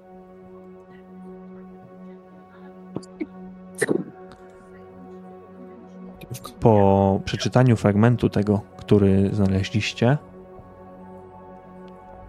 jesteście w stanie poznać informacje o mocach tak zwanego władcy Fezu. Oczywiście to, co wydaje się być najważniejsze, zdaje się być oczywiście podpisane tej drugiej części. Części, która hmm, jest zapisana hieroglifami. To jednak nadal nie jest wszystko, panowie. Dzięki lekturze, którą tutaj sporządzacie, dowiadujecie się przede wszystkim tego, że zanim krwisto-czerwony fez obdarzy kogoś łaską, należy mu się oddać. Założenie fezu i odważenie się na próbę własnej woli oraz wartości to jedyny sposób, bo tylko ryzykując pochłonięcie przez artefakt można udowodnić, że jest się wystarczająco godnym i silnym, aby okiełznać jego moc.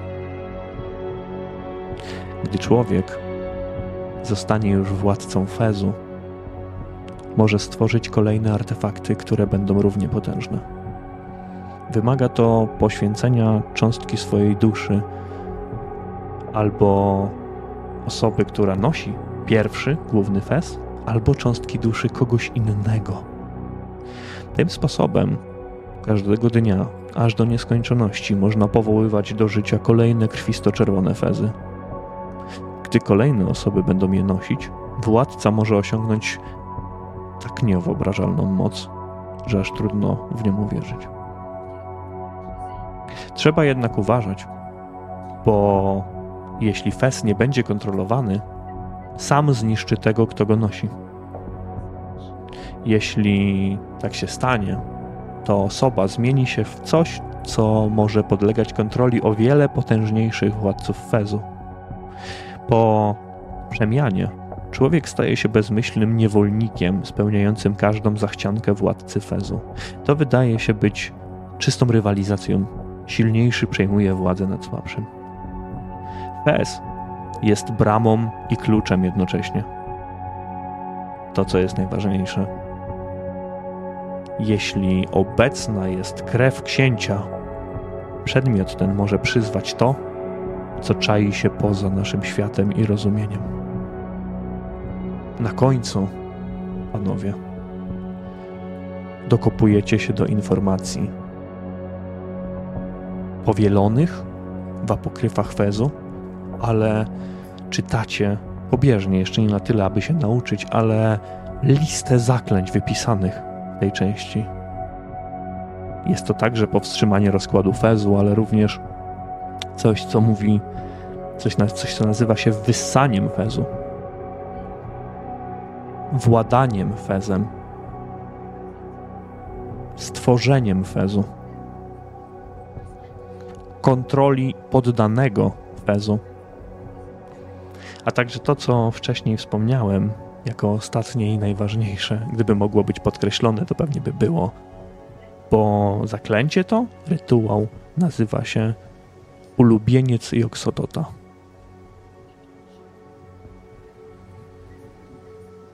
Czytaliście do późnych godzin. Do późnych godzin siedziała także Amelia i George razem z Piotrem. Kiedy połączycie się z powrotem, będzie pewnie koło godziny 21, może nieco później. Ale chciałbym wiedzieć, co się stanie w momencie, gdy drzwi do wagonu otworzą się. Co zobaczy Amelia i co zobaczy George. Panowie, zostawiam to w waszych rękach. Mhm. Ja mam jakiś tam pomysł. Jean-Louis, to jeszcze w czego dorzuć coś, jakby jeżeli, jeżeli, jeżeli coś jeszcze też, też, też, też masz jakiś, jakąś, jakąś, jakąś, jakiś zalążek. Nie będzie bardzo ja subtelnie na początku, tak powiem, znaczy pół na pół, ale, ale mów. Mhm. Eee, ja widzę to tak, że mm, kiedy oni otworzą, no przede wszystkim bałagan będzie i myślę, że ja dalej czytam, a ty piszesz to, ale już nie piszesz w zeszycie, ty piszesz na ręku, ty piszesz na ścianie, wszędzie, na całym, całym e, po całym e, przedziale są, ale to też nie są zdania, to są wyrywki. Tu jedno zdanie, ale to odnosi się do tego, to na drugiej stronie napisane, że książka tak nas pochłonęła, że jak już skończyły nam się miejsce, my dalej to piszemy, my dalej my chcemy. Ja, ja, ja, ja nawet y, książkę zacząłem czytać w drugą stronę. Z powrotem wracam do strony, bo mówię, tu jest jeszcze coś, tu, tu, tu coś jeszcze znajdę. I, i, i, I tak myślę, ale powiedz, co, co ty, co, co, jak, jaką ty masz wizję tego? Moje było trochę bardziej subtelne, bo te, ta utrata czytelności była chyba trochę mniejsza, powiedz Stanfi, czy to... To jest, nagły, to jest nagły atak szaleństwa. To jest nagły atak szaleństwa. Dobrze. Eee, Jean-Louis, przede wszystkim, jeżeli Amelia otworzy, yy, ja zacząłem palić między, w międzyczasie papierosy, których nie paliłem od bardzo, bardzo dawna albowiem e, jako jeden z niewielu lekarzy w tamtych czasach uważam, że one szkodzą, że są niezdrowe i mogą powodować jakieś e, problemy zdrowotne. ale mnie jako taki jako taki e, przypominajkę zawsze miałem tam jakieś i znowu zacząłem je palić. Jak można powiedzieć, jeden za, jeden za drugim z paczki. I dobrze, możemy tak zrobić. Może nie, że po ścianach, ale w pewnym momencie na biurku, na tym takim stoliku dostępnym w tym e, przedziale, zacząłem skrobać wręcz e, to, co, to, co mówił Harry, łącznie z oraz, może nie łącznie z tym, ale oraz yy, Jean-Louisowi zmienił się charakter pisma, tak już do końca życia. Kompletnie. Jest zupełnie, jest bardziej właśnie wcześniej ładny, taki wręcz kaligrafowany. Obecnie jest, można by powiedzieć, jak kura pazurem, taki, taki wręcz szalony. I to można zobaczyć na tych stronach, tą zmianę.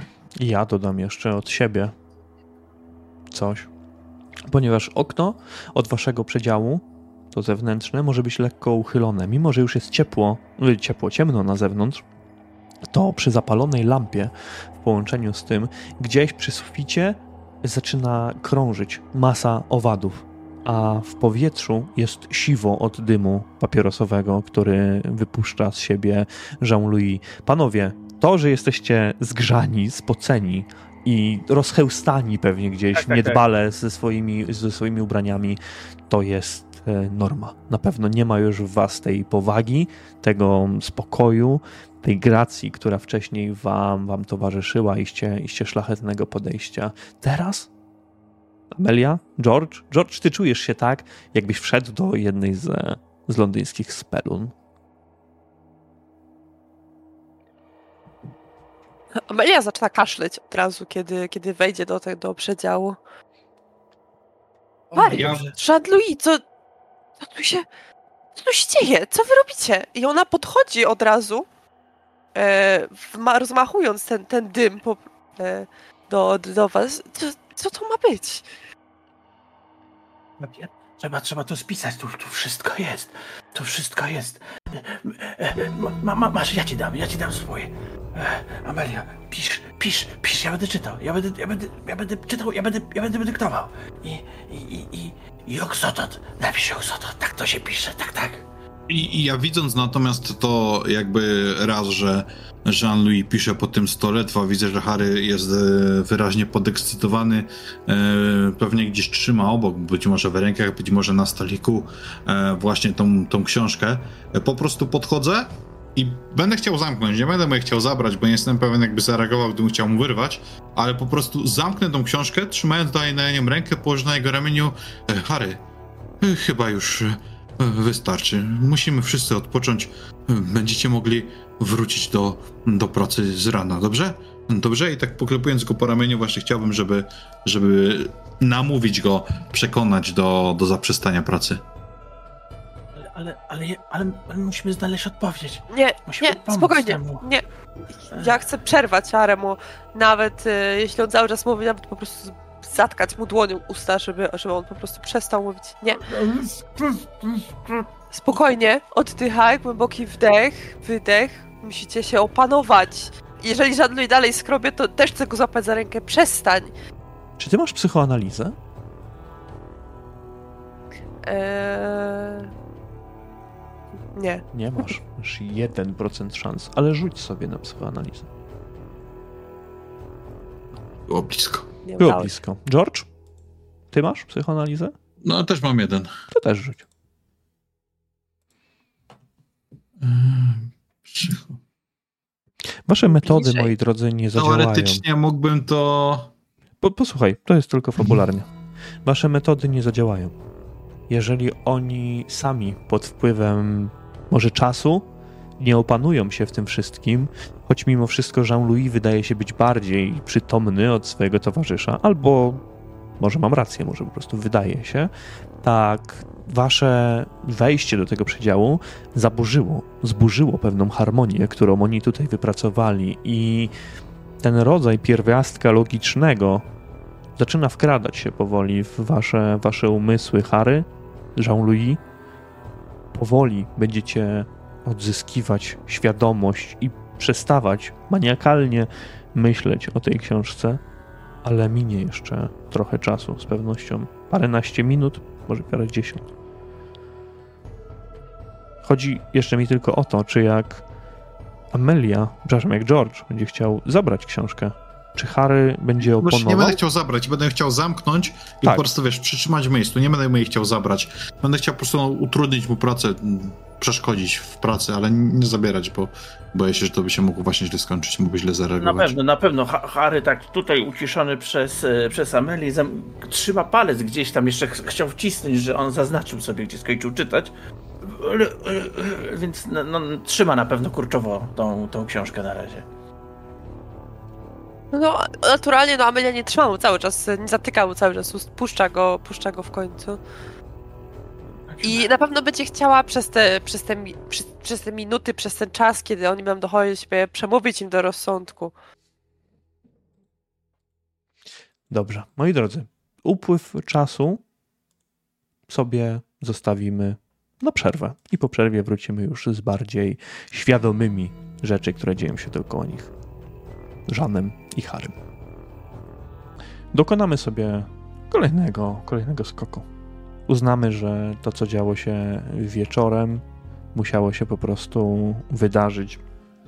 Jean-Louis i Harry musieli się z tym wszystkim przespać. Wyznaczanie wart i tak dalej zostawiamy sobie w sferze domysłów i pomijamy to, bo noc mimo wszystko była względnie względnie spokojna. Ostatnie śniadanie w Orient Expressie przed wami. W sobotę.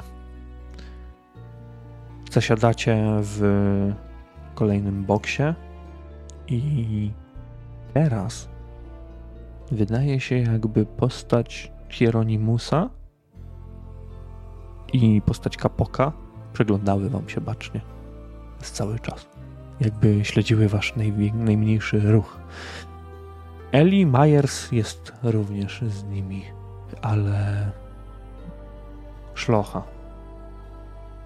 W końcu jednak pociąg zaczyna zwalniać, przetaczając się przez pierwsze stacje Konstantynopola i pobliskich zabudowań.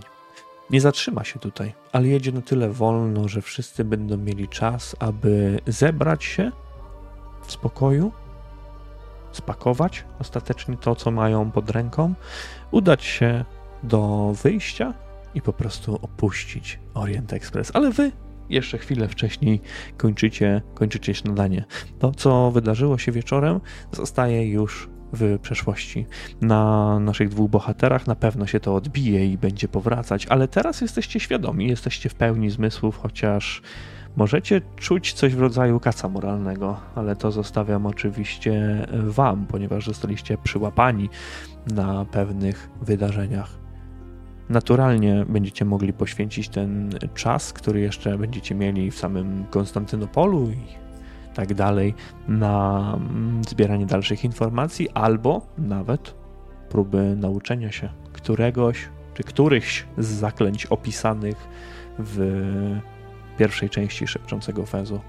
Moi drodzy, czy chcecie ze sobą jeszcze porozmawiać teraz? To jest taki ostatni moment w pociągu. Ja myślę, że ja powiem tylko tak bardziej do Harego, bo on zdaje sobie sprawę z tego, co jest w tej księdze. Może dopalając papierosa, który właśnie e, wrócił do łask e, Jean-Louis, u Jean-Louis. E, wrócę się mówiąc, że musimy natychmiast znaleźć tego Demira i mu przekazać to oraz powiedzieć, co w tym jest. Masz rację. w księcia. Tym bardziej. On na pewno będzie wiedział, jak. jak to zabezpieczyć. Jak z tym postępować. Jak to Pochopnie. zniszczyć. Zniszczyć. Ale ja myślę, że warto byłoby zrozumieć, jak. jak to usunąć. Ja boję się już. Co tu znowu coś lata? Ech. Boję się otworzyć to. Jest jak płomień, który. który parzy mózg. Ja. Nie Może, w tą zaglądać.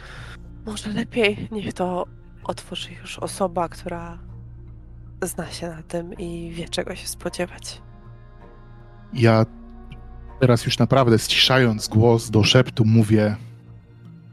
Tam było coś takiego. Kon kontrola poddanego.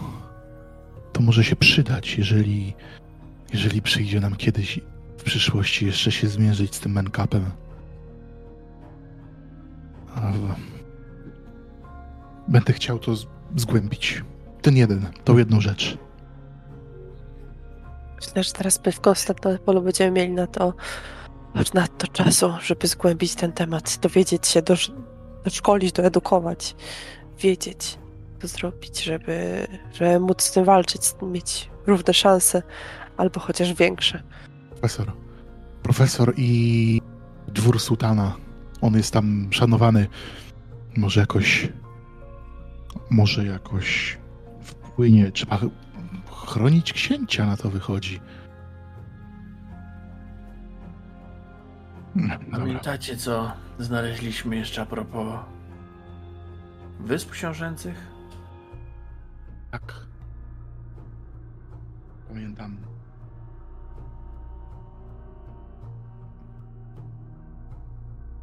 Mm. Pociąg zaczyna zwalniać. Jest to pora, w której możecie już się podnieść i zadeklarować przygotowanie do opuszczenia Orient Expressu. Zbierajmy się.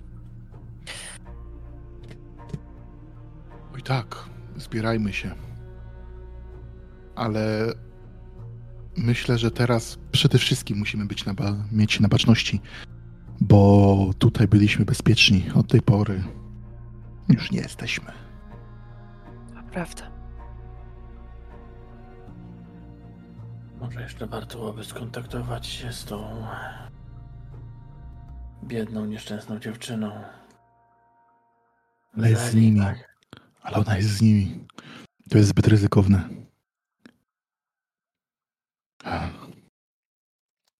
Nie wiem, czy możemy pomóc jakoś. Gotowi. Może to, może to wessanie, ale jak? No właśnie. Trzeba byłoby się z nim zobaczyć. Gdzieś go znaleźć. Nie wiem, czy będzie czas. Może zostawić jej namiar, albo tak, by tylko ona mogła się skontaktować. Pomysł. To jest dobry pomysł. To jest dobry pomysł, tak. Trzeba to wśliznąć. Może, może pan, panie George, mógłby jej to podłożyć do kieszeni.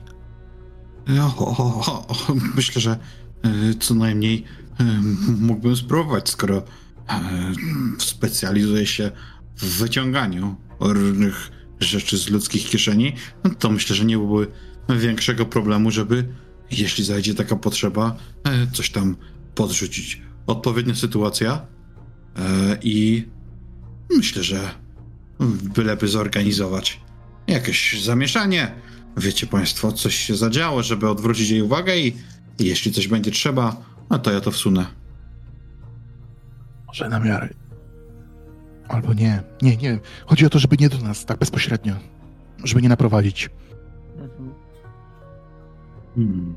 Może hrabina mogłaby coś zrobić w ramach takiego, nie coś, zamieszania, tak by odwrócić uwagę. W ramach podziękowania za zajęcie się sprawą kuzyna. Ja teraz mówię o miejscu, a nie o odwróceniu uwagi. Znaczy, to też jest dobra myśl, ale gdzie się z nią spotkać? Wiem, właśnie.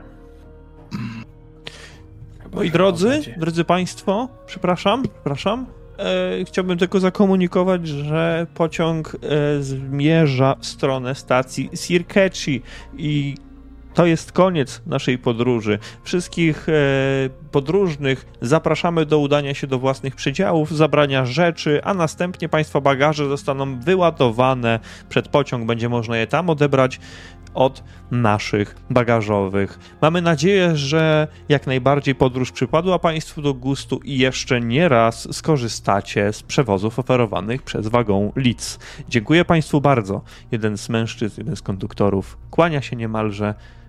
Ktoś mu odpowiada, ale jest tutaj już naprawdę mało, mało osób w wagonie restauracyjnym. Duża część ludzi już sobie wyszła, a wy czujecie delikatne szarpnięcie pociągiem, który powoli z charakterystycznym piskiem zaczyna podchodzić do hamowania.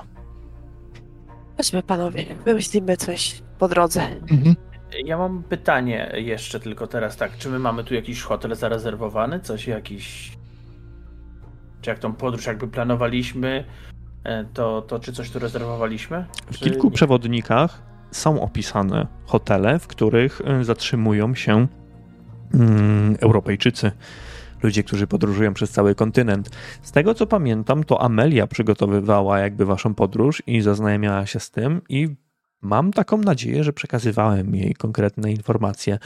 Żeby to jednak skrócić całkowicie, jeżeli będziecie zatrzyma, chcieli zatrzymać się w jakimś hotelu, naturalnie będziecie wiedzieli, gdzie mniej więcej powinniście się udać albo jakiej nazwy powinniście oczekiwać. Moi Myślę, drodzy, że Myślę, że możemy podać jej adres naszego hotelu. Ja mogę to załatwić. dokładnie. My się zatrzymujemy, tam będzie do nas kontakt. Jak zostawi na recepcji dla nas wiadomość, możemy się spotkać. wysiadacie z pociągu ostatecznie. Tak jest. Budynek dworca jest nowy i naprawdę, naprawdę okazały. Ukończony ledwo co w 1890 roku, przypomina meczet połączony z wielkim wiktoriańskim dworcem z Londynu. Jest to nurt europejskiego orientalizmu. To, kto jest architektem, nie jest w tym momencie istotne. Widzicie, jak bagaże są przenoszone z pociągu do kolejowego urzędu celnego najpierw, gdzie zostają poddane kontroli, a następnie przekazane pracownikom wagon Litz, którzy zadbają o to, aby zostały dostarczone tam, gdzie trzeba. Wy nie deklarowaliście od razu, żeby zostały przeniesione do jakiegoś mm, hotelu konkretnego, tylko odbieracie bagaże sami. Konstantynopol jest piękny, orientalny, odmienny od europejskich miast. Masy ludzi tak bardzo od siebie różnych poruszają się po zatłoczonych ulicach miasta. Wszędzie słychać przeróżne języki, widać symbole licznych religii, a za transport robią osły, konie, lektyki, nawet wielbłądy oraz powozy ciągnięte przez wszelakie, wszelakie zwierzęta, które wymieniłem. Przepych bogaczy miesza się tutaj z najpodlejszą biedotą. Brudne ulice i chodniki oraz masy bezpańskich psów to, co, to to, co rzuca wam się w oczy. Konstantynopol to stolica imperium, które upada na oczach ich mieszkańców. Jeszcze 15 lat temu imperium utraciło około 40% swoich ziem na rzecz caratu. Sułtan zwraca się w stronę zachodniej Europy, jednak wszyscy wiedzą, że dla imperium prawdopodobnie nie ma już ratunku.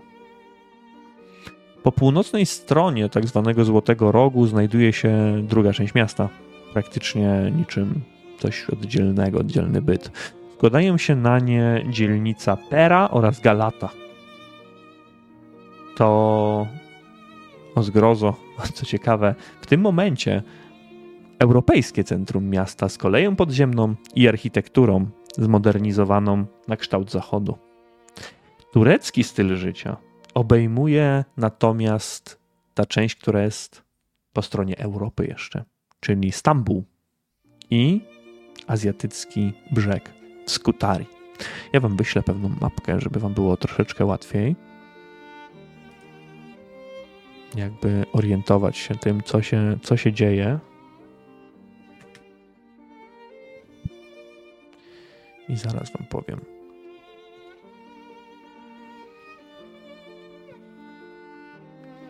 Jeżeli będzie trzeba wyjaśnić coś, jakieś numerki i tak dalej, no to będę oczywiście mówił, ale z wiadomych powodów legendy nie będę wam pokazywał. Wysiadacie na dworcu Sirkeci, tak jak już powiedziałem. I to jest mm, numerek jeden prawdopodobnie. Tak jest, numerek jeden to jest dworzec Czyli tam nad rzeką. Tak, przybliż- na przybliżeniu, tak naprawdę. Mhm. Przy Złotym Rogu samym. Kiedy wasze bagaże zostają wam przyprowadzone, przyniesione, zastanawiacie się, co zrobić z panną Myers, zauważacie ją stojącą bez bagaży na środku peronu i przytrzymującą niemalże wypadającego jej z rąk męża Scotta Myersa, a dziewczyna zalana jest łzami, nie mogąc go Ja- praktycznie utrzymać. I ja podbiegam od razu, żeby, żeby jej pomóc, żeby tam Majersa złapać i może z drugiej strony właśnie podeprzeć.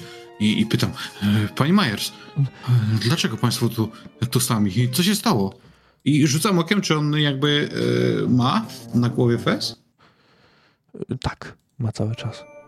On. On. On nas zostawił. Ja też bym Jak to chciała jest? podejść tam naturalnie. Jak to, jak to państwa zostawił? No. Powiedział, że będzie nas. Będzie naszym opiekunem. Od Paryża do Konstantynopola. I, i tyle. Wysiadł z tym swoim kapokiem. I. Poszli gdzieś. Mają mnie państwo zignorowali. Kiedy powiedziałam, że potrzebuję pomocy, żeby wyciągnąć Scotta z, z przedziału, zaśmiał się tylko i, i zniknął. Czy mają państwo gdzieś zabukowany tutaj hotel? Mieliśmy, ale nie mam teraz kompletnie do tego, do tego głowy. Tak, nasze, nasze, nasze bagaże chyba zostaną tam przewiezione. Musiałabym poszukać w papierach, ale... Co ja mam zrobić? Pozwolić sobie pomóc. Ja, ja biorę z drugiej strony, żeby, że ja, że tak powiem, z George'em, żeby trzymać e, Scotta, żeby ona tam Mhm. nie wisiał na niej. Scott, jesteście w stanie stwierdzić, że kiedy wisi wam niemalże w ramionach, bo wisi na tej zasadzie niczym marionetka, niczym kukiełka, ma otwarte usta, a jego jego język zdaje się wystawać. Nie zwisać jak u Matthew Puka, nie jest taki długi, ale mężczyzna jakby nie kontrolował trochę swoich e, ruchów, które robi. Mimo wszystko to, co ty zrobiłeś poprzedniego dnia, Jean-Louis, zdaje się nadal trwać nadal mm, ta moc się utrzymuje. Nawet jeżeli jesteś w pobliżu, jesteście w pobliżu tego fezu, nie czujecie mdłości, nie czujecie się niedobrze na skutek tego. Nie wiesz, w jakim miejscu byście byli teraz, w którym miejscu byłby Scott, gdyby nie udało ci się rzucić tego zaklęcia. Trzeba go zabrać gdzieś do jakiegoś hotelu. Tam możemy mu może pomóc. Tak, tak, tak. Jedźmy, złapmy dorożkę, cokolwiek. Jedźmy do hotelu, złóżmy go tam. Wygląda na to, że będziemy musieli e, przyspieszyć z poszukiwaniami e, profesora temu biedakowi, e, patrząc po tym, co z biednym pukiem się stało. Może i to już tak miałem już powiedzieć, mogło zostać niewiele czasu, ale zobaczyłem, że przecież obok idzie e, jego żona, co takiej, e, no trzeba temu biedakowi trzeba pomóc. Trzeba, trzeba, to, to prawda. Niech się pani nie martwi. My pani postaramy się pomóc. Tak Nie prawdziwie, a nie tak jak tamten okrutnik. Ja zwracam się po cichu do Harego, tylko mówiąc Wessanie, Wessanie, może być remedium. Władza. Nie, nie. Kiedy, Zabierzmy ich na razie w jakieś bezpieczne miejsce. Kiedy idziecie w stronę wyjścia z dworca, przy jednej z kolumn zauważacie dwie osoby, które przypatrują się wam prawdopodobnie od dłuższego czasu. Dwie młode osoby. Młody mężczyzna, który odziany jest w długi płaszcz koloru ziemi. Spod niego wystają spodnie oraz koszula podobnego koloru. Mężczyzna nosi krótką brodę, ma gęste brwi i pewny siebie wzrok, jakby wpatruje się w was. Nie jest uśmiechnięty, jest bardzo poważny. Ciemne włosy wystają nieco z turbanu, który ma na głowie. Jest tam obok niego młoda kobieta, dość podobna do niego. Ma jednak chustę na głowie z elementami kwiatowymi. Długi kaftan zdobiony w mm, geometryczne wzory. Pod kaftanem suknia koloru nieba ciemne włosy są schowane pod chustą, ale pojedyncze kosmyki jakby starały się uwolnić spod tego jarzma. Dziewczyna też się wam przygląda, ale zanim w ogóle jesteście w stanie coś zrobić i zareagować, mężczyzna wychodzi w waszą stronę, a wy zdajecie sobie sprawę, że jesteście praktycznie ostatnimi, którzy opuścili Orient Express, ten konkretny. Mężczyzna unosi dłoń delikatnie w górę, jakby chciał coś zapytać. I mówi naprawdę nienaganną angielszczyzną w waszą stronę. Przyglądam się wam od dłuższego czasu i wybaczcie impertynencję, ale czy nie przesyła was czasem profesor Smith? Rzeczy samej. Harbe, ale z kim rozmawiamy? Kim jesteś? Wybaczcie, po prostu nie mam zbyt dużo czasu. Nazywam się Toprak, a to moja siostra Rana. Jesteśmy dziećmi profesora Demira. O, Oczekuję was. wybornie. Okej, jasne. Jak widzisz, mamy tutaj, musimy komuś pomóc jeszcze. Gdzie nas oczekuje? Y, Będę prosił, abyście udali się razem ze mną do naszego domu w dzielnicy Galata. Zanim udacie się do jakiegokolwiek hotelu. Mężczyzna podchodzi nieco bliżej w waszą stronę. Patrzę się na moich towarzyszy. Warto ich zabrać ze sobą, to. To może być kluczowe w naszych dalszych rozmowach z z profesorem Demirem. Tak, tak, faktycznie. Dobrze. Udamy się z Możesz? wami. E, Bo nasz to jest, a państwa Myers? Tam jest gdzieś ich bagaż? On gdzieś też został wystawiony? Oni gdzieś Nie. go mają? Nie, nie, do hotelu. Do hotelu do hotelu jakiegoś. To mm, pani Myers, wie pani, gdzie, gdzie miał być hotel? Gdzie mogą być państwa bagaże? Wypadałoby, żeby mieli jakieś rzeczy osobiste. Ona kiwa tylko, tylko głową, szlochając. Tak, tak. Zaraz znajdę adres. Ociera oczy i zaczyna szukać w jakimś bagażu podręcznym listu, czegoś, czegoś podobnego. Mężczyzna, który staje przed wami, pozwólcie, że zdobędę jakiś transport, a następnie razem udamy się do Galaty. Oczywiście. Naturalnie. I tak się dzieje. Prędzej czy później dowiadujecie się o adresie, w którym będą zamieszkiwać, czy mieli zamieszkiwać państwo Myers. Jest to jeszcze w Istambule, w tej dzielnicy po europejskiej stronie. Mm, Jeśli trzeba będzie cokolwiek zrobić z hotelem, nie będzie z tym żadnego problemu, ale wy zajmujecie miejsce w powozie, istnym relikcie przeszłości. Toprak jakby rozsiada się trochę, trochę bardziej, próbując znaleźć nieco miejsca, mimo że jest was tutaj całkiem, całkiem sporo. Y, Cieszymy się, że przybyliście tak szybko. Zostaliśmy poinformowani, że, że będziecie tutaj. Siostra jednak odzywa się w tym momencie. Bracie, myślę, że jest ważniejsza sprawa, o której powinniśmy powiedzieć. Y, Tak, to prawda. Poprosiłem was o to, abyście nie udawali się najpierw do swojego hotelu, ponieważ wczorajszej nocy nasz ojciec został zaatakowany w swoim własnym domu. Co się nie stało? Właśnie. Został ugodzony nożem w brzuch. Co zrobił? Nie mamy pojęcia, ale profesor bardzo nalegał na to, abyśmy przybyli tutaj i zaprosili was przede wszystkim do naszego domu, ponieważ wydarzyło się coś jeszcze. Oprócz tej rany, którą zadał sprawca, porwano też naszego młodszego brata Barlasa.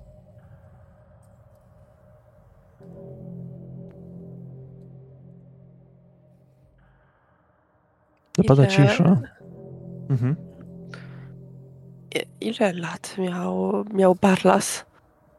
Ma Barlas, przepraszam. Wybacz, muszę to na szybciutko sprawdzić. Ale ruszajmy, ruszajmy. Jedziecie, cały Luis czas jedziecie. Jest, jest lekarzem zawsze na pewno, prawda, że Luis... Obejrzę, o- Obejrzę ojca. Może będę mógł mu pomóc. Profesor, przepraszam, doktor Fatih też już go oglądał i jego życiu nie zagraża niebezpieczeństwo, ale jak najbardziej byłoby to chyba wskazane, jeżeli europejski lekarz zerknąłby na ojca. E, Barlas ma 17 lat. Taki młody. Chciał pomóc ojcu i został zabrany.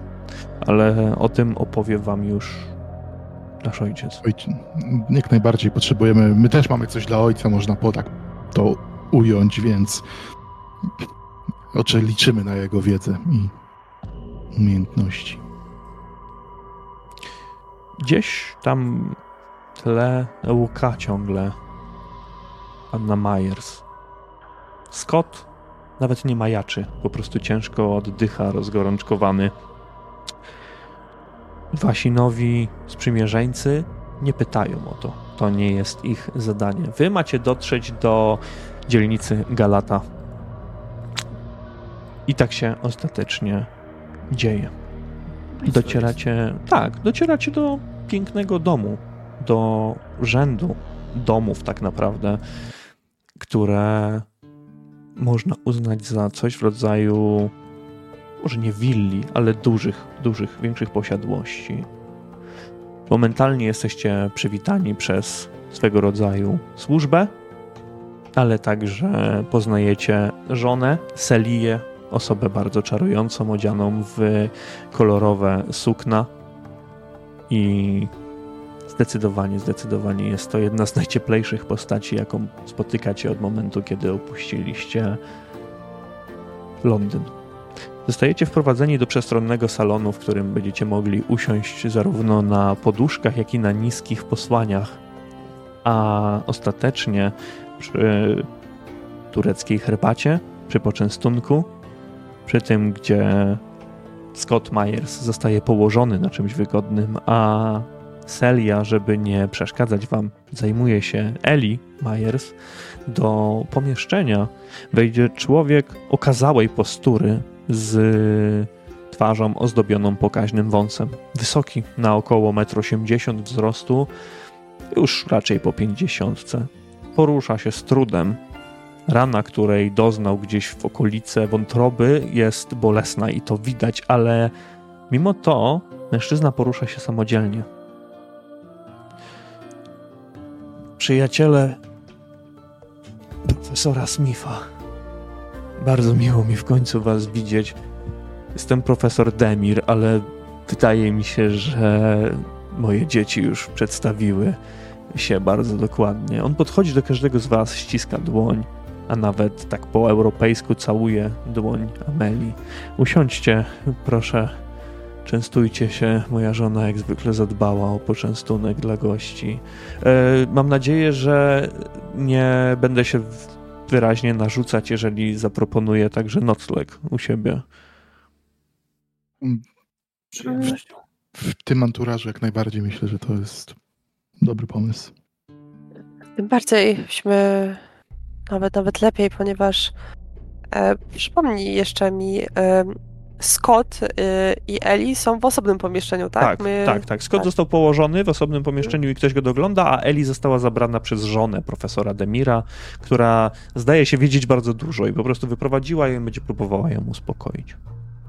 Zwłaszcza, że mężczyzna, który z nami przyjechał, jest w potrzebie. Jak e, pan zauważyć, miał na głowie fez.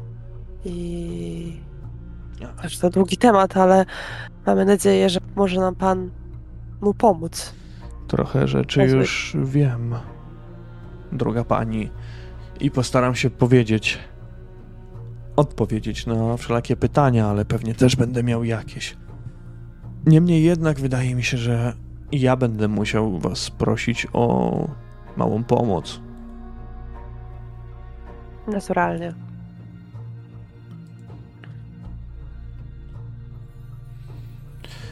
Mężczyzna zasiada na wygodnym posłaniu. Niestety to, czego się nabawiłem, wykluczy mnie z poruszania się po mieście na jakieś dwa tygodnie.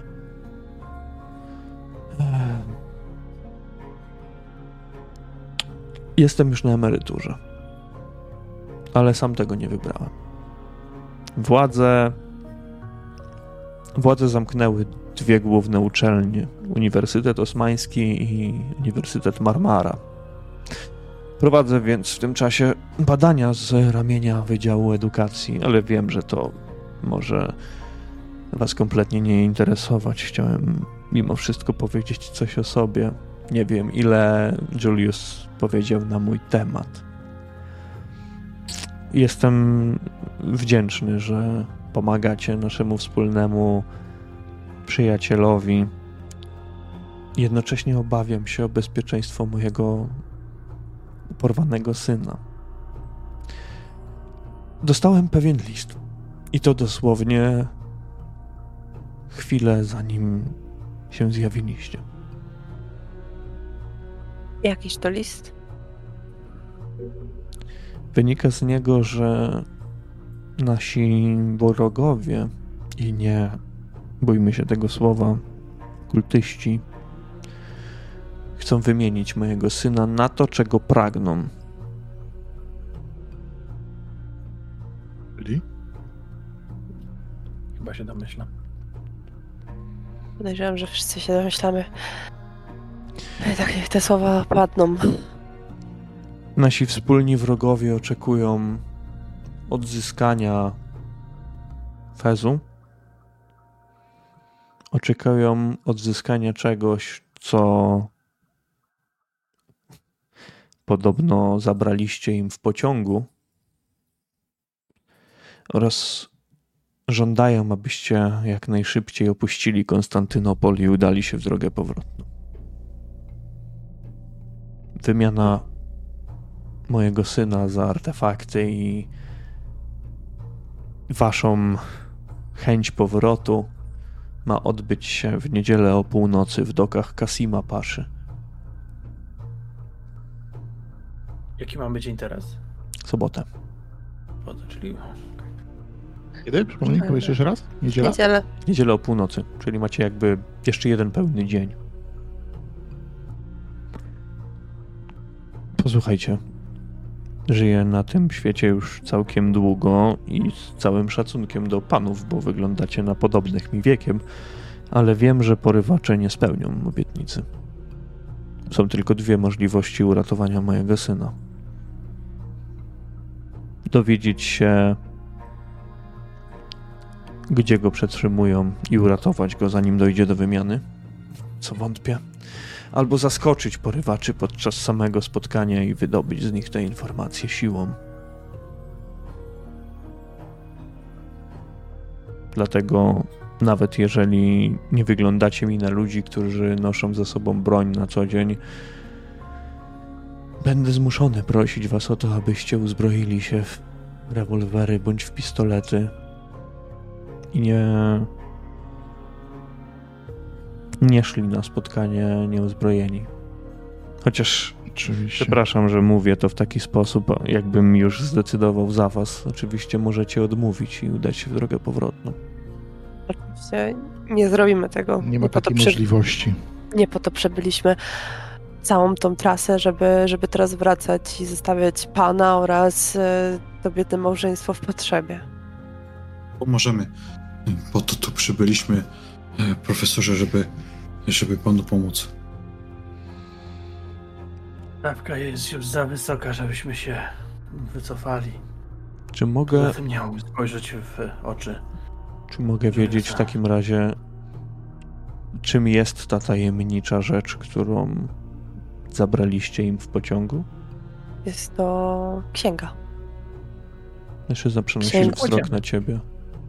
Jest to księga dotycząca szepczącego, sep, szepczącego fezu. Czerwony wes. Na pewno Dokładnie. profesor. Zabraliśmy ją niejakiemu. E, niejakiemu. E, Menkafowi. Mę- Mękamfowi. Tak. Mhm. pociągu. E, nie kłamał pod tym względem. Natomiast szepczący fez wpadł w nasze ręce już w Londynie. Jeżeli chce pan profesor, to możemy również ja z Harym powiedzieć, co jest w tej księdze, ale wiedza owa jest niezwykle przerażająca. Jakkolwiek A- dziecinnie to brzmi.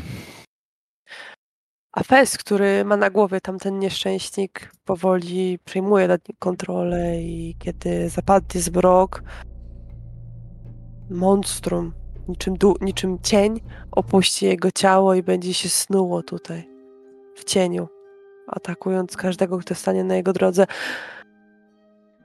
Tak długo, aż ostatecznie sam stanie się tym stworem, przemieni się. Wiecie Nie bardzo da, nie dużo. da się już uratować. Wiecie bardzo dużo, więc chyba nie jestem osobą, która mogłaby wam powiedzieć nieco więcej.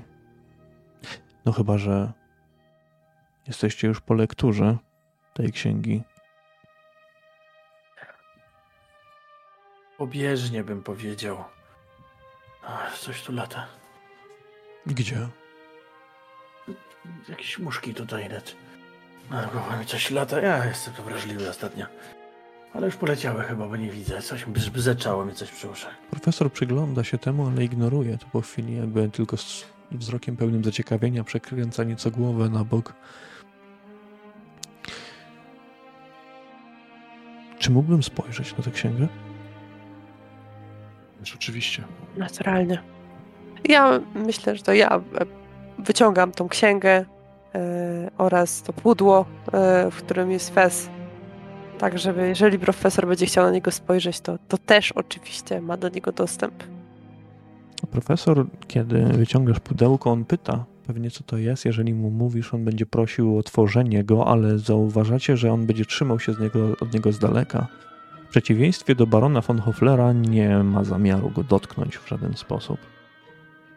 Naturalnie otwieram pudło e, i oddycham z ulgą, kiedy widzę, że trzyma dystans. Kiedy mężczyzna chwyta za księgę, przez dłuższą chwilę panuje cisza i słychać tylko w tle odgłos przewracanych kartek. Mm, Język perski. Perski. Kiedy dociera do ostatniej części, spogląda to na was, to na księgę, to na fez. Wydaje się, jakby te znaki były podobne, wręcz takie same jak na fezie. To ciekawy dialekt. Coś, co mógłbym w stanie przetłumaczyć, ale potrzebuję do tego przynajmniej czasu do wieczora. Oczywiście w księdze jest, są zapisane różne zaklęcia. Podejrzewamy, że jedno z nich może, może pomóc zniszczyć fez, który jest na głowie tamtego człowieka. Jeśli mógłby profesor na to spojrzeć i potwierdzić, doradzić, co robić, bylibyśmy bardzo wdzięczni. Spojrzę. Badam te sprawy już od dłuższego czasu, a ta księga wydaje się być ostatnim elementem układanki. Nigdzie wcześniej nie znaleziono informacji o tym, jak zniszczyć krwisto-czerwony fez. Może tu będzie odpowiedź. Oby Oby. była. Hieronimus Menkap, o którym wspomnieliście wcześniej. Mężczyzna odkłada księgę na bok, nawet jakby podawał ją w tym momencie Ameli, jakby sprawdząc, czy chcą ją, chce ją wziąć z powrotem, czy on może ją położyć gdzieś na bok. Może, może. To członek kultu, który mówi o sobie, iż są dziećmi krwisto-czerwonego fezu. Kult, który ciągle rośnie w siłę. Menkap, choć ma tak, takie nazwisko, to Brytyjczyk. Znany też jako Mortimer Leeds, księgowy z Chiswick. Ale on przewodzi jedynie części kultu. Menkap służy byłej dziewczynie z haremu, która określa siebie jako Nisra, córka przeznaczenia. Menkap przedtem był sprzymierzony z Selimem Makryjatem, który także jest kultystą, jednakże wyznaje inne zasady. Jest to inny kult. Pozostali oni jednak w przyjacielskich stosunkach, jak to dwóch szaleńców miewało w zwyczaju. Kiedy Menkap wyruszył z Konstantynopola do Londynu po Fez, zatelegrafowałem do mojego studenta Matthew Puka, aby ten obserwował Menkapa. Ten, ten młodzieniec jednak postąpił bardzo nierozsądnie i próbował ukraść artefakt. Z tego co wiem, Matthew nie ma już pośród nas. Nie. Nie, ma niestety. Za naszą sprawą, można by rzec. To nie będę o to pytał, ale to Nisra kieruje Menkapem. Była ona uczennicą pewnego jego mościa, mieszkającego w Konstantynopolu. Znany jest tutaj jako Francuz. Przekorny jegomość. Nie, wi- nie wiem, czy, czy mógłby w ogóle pomóc, ale nie jest to wykluczone. Nie jestem w stanie powiedzieć wam niczego więcej o Fezie, dopóki nie, nie przeczytam tego, co Mm. tutaj się znajduje. Ale mogę powiedzieć jeszcze tylko tyle, że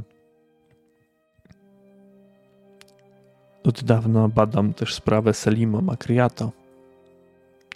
Człowiek, który wydaje się być niezwiązany z tą sprawą i on wskazuje jakby na Fez. Selim bowiem czci coś innego, inny przerażający twór. Przez lata prowadził na swój temat osobliwe badania i eksperymenty. Kiedyś sojusznikiem Menkapa jednak rozstali się. On natomiast przewodzi kultowi, którym nazywa się Braćmi Skóry. To niebezpieczny człowiek, ale chyba, tak jak powiedziałem, nie ma nic do czynienia z tą sprawą, więc wolałbym, abyście nie skupiali się na nim. To Menkap i Nisra są głównymi przeciwnikami tej gry. Powiedział pan, że czci co innego. Co to znaczy? Nie lubię wypowiadać tych słów, ale Selim Makriat czci twór, istotę znaną jako bez skóry.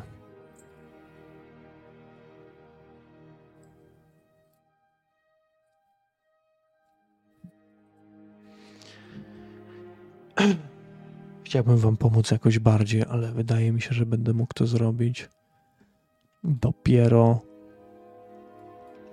po przeczytaniu. Możecie być gośćmi w moim domie, tak, w moim domu, przepraszam, tak długo, jak będziecie chcieli. Jeżeli będziecie chcieli udać się gdzieś w stronę miasta, wydaje mi się, że Toprak albo Rana będą mogli służyć wam za przewodników. Ale to zostawię oczywiście wam. I przede wszystkim chciałbym jeszcze raz podziękować wam za to, co robicie w tej sprawie. Bardzo to doceniam. Ach, Naturalnie. Oczywiście, oczywiście. To również dziękujemy za gościnę. Mężczyzna dźwiga się z miejsca i początkowo sięgnął po jakiś kij, po jakąś laskę, żeby tylko się odepchnąć od ziemi. Wybaczcie, drodzy Państwo, nie mamy chyba czasu, więc przejdę do lektury. On zabiera księgę, zabiera szepczący fez, ale samego artefaktu, jakim jest krwisto-czerwony fez, nie zabiera. Zostawia, nawet zamyka wieko, kiedy, kiedy już się na niego napatrzył. A następnie człapiąc wręcz do pokoju, który jest otwarty, w którym znajduje się duże biurko, przymyka drzwi za sobą. Nie zamyka ich całkowicie, ale tylko przymyka i słyszycie ze środka cichą krzątaninę, a następnie to, jak profesor zasiada za biurkiem i mamrocząc coś do siebie, jakby zaczyna już tłumaczyć.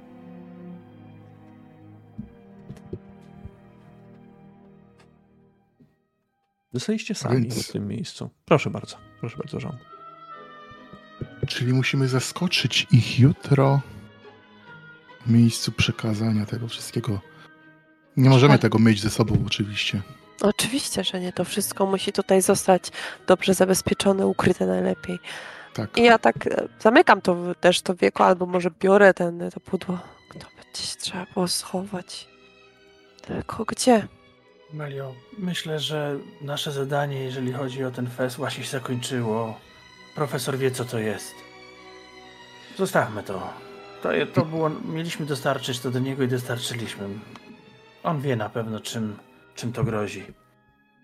Ja Tak. bym się skupił na, na tym, czym się brzydzę. Na przemocy. tak. Jeżeli chodzi o FES, nie zostawiałbym go na wierzchu, ale faktycznie profesor może będzie wiedział, co z nim zrobić, wszakże może Może ktoś ma chyba znajomości na dworze, więc może tam. E, ja myślę, ja nie umiem strzelać, mimo że mam ten rewolwer, który kupiłem, ale zaskoczenie. Może będę się opierał przy tych zaklęciach. Może gdzieś mam notatki. Ja chciałbym je poznać, chociaż żeby mieć wi- wiedzę, co mogę z tym zrobić.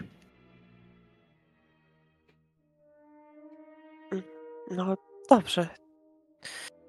Ja nie chcę zgłębiać tej wiedzy. Wolę, żeby została mi ona przekazana ustnie przez profesora Demira albo któregoś z was. Nie chcę się w to wczytywać, jeśli oczywiście pozwolicie. Ja, ja również e, mam zamiar trzymać się jak najdalej od tej książki. E, Widzę to mm, stało się e, z tym panem, a i pamiętam, jak wy zachowywaliście się jeszcze w pociągu. Tylko i tak, tak spoglądając na całą naszą czwórkę, jeśli wydaje mi się, to jedynie pani Amelia umie strzelać, a z pozostałej naszej trójki to, to chyba raczej marni wojownicy. W takim razie możemy wykorzystać ten czas na szkolenia. Mogę panom pokazać. To nie Ja jest boję trudne. się. Sam postrzelę. To jest. To nie jest takie łatwe. Ja, Ja ch- chy- chyba zostanę przy moim nożu. Mm, Mogę co prawda jakąś tam broni nienabitą trzymać, żeby ich postraszyć, ale obawiam się, że to trochę za mało czasu, żeby nauczyć się strzelać na tyle dobrze, żeby e, krzywdy nie zrobić sobie czy, czy wam, a, a co dopiero, żeby zrobić krzywdę komuś innemu, więc ja również raczej e, trzymałbym się dalej broni białej.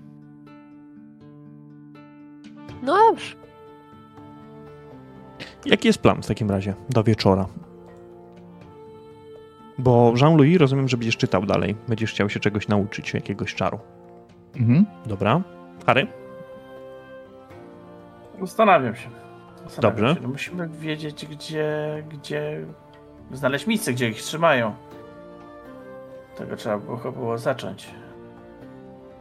Amelia na pewno chciała się udać, że tak powiem, na miasto, pozwiedzać i może też właśnie podpytać o to miejsce spotkania. Może udać się w tamtą okolicę, żeby zobaczyć, jak to wyglądało, jeśli to będzie bezpieczne oczywiście. Jeżeli, jeżeli powie że no, to nie jest najlepszy pomysł, nie jest to zbyt bezpieczne, to ona odpuści. Naturalnie.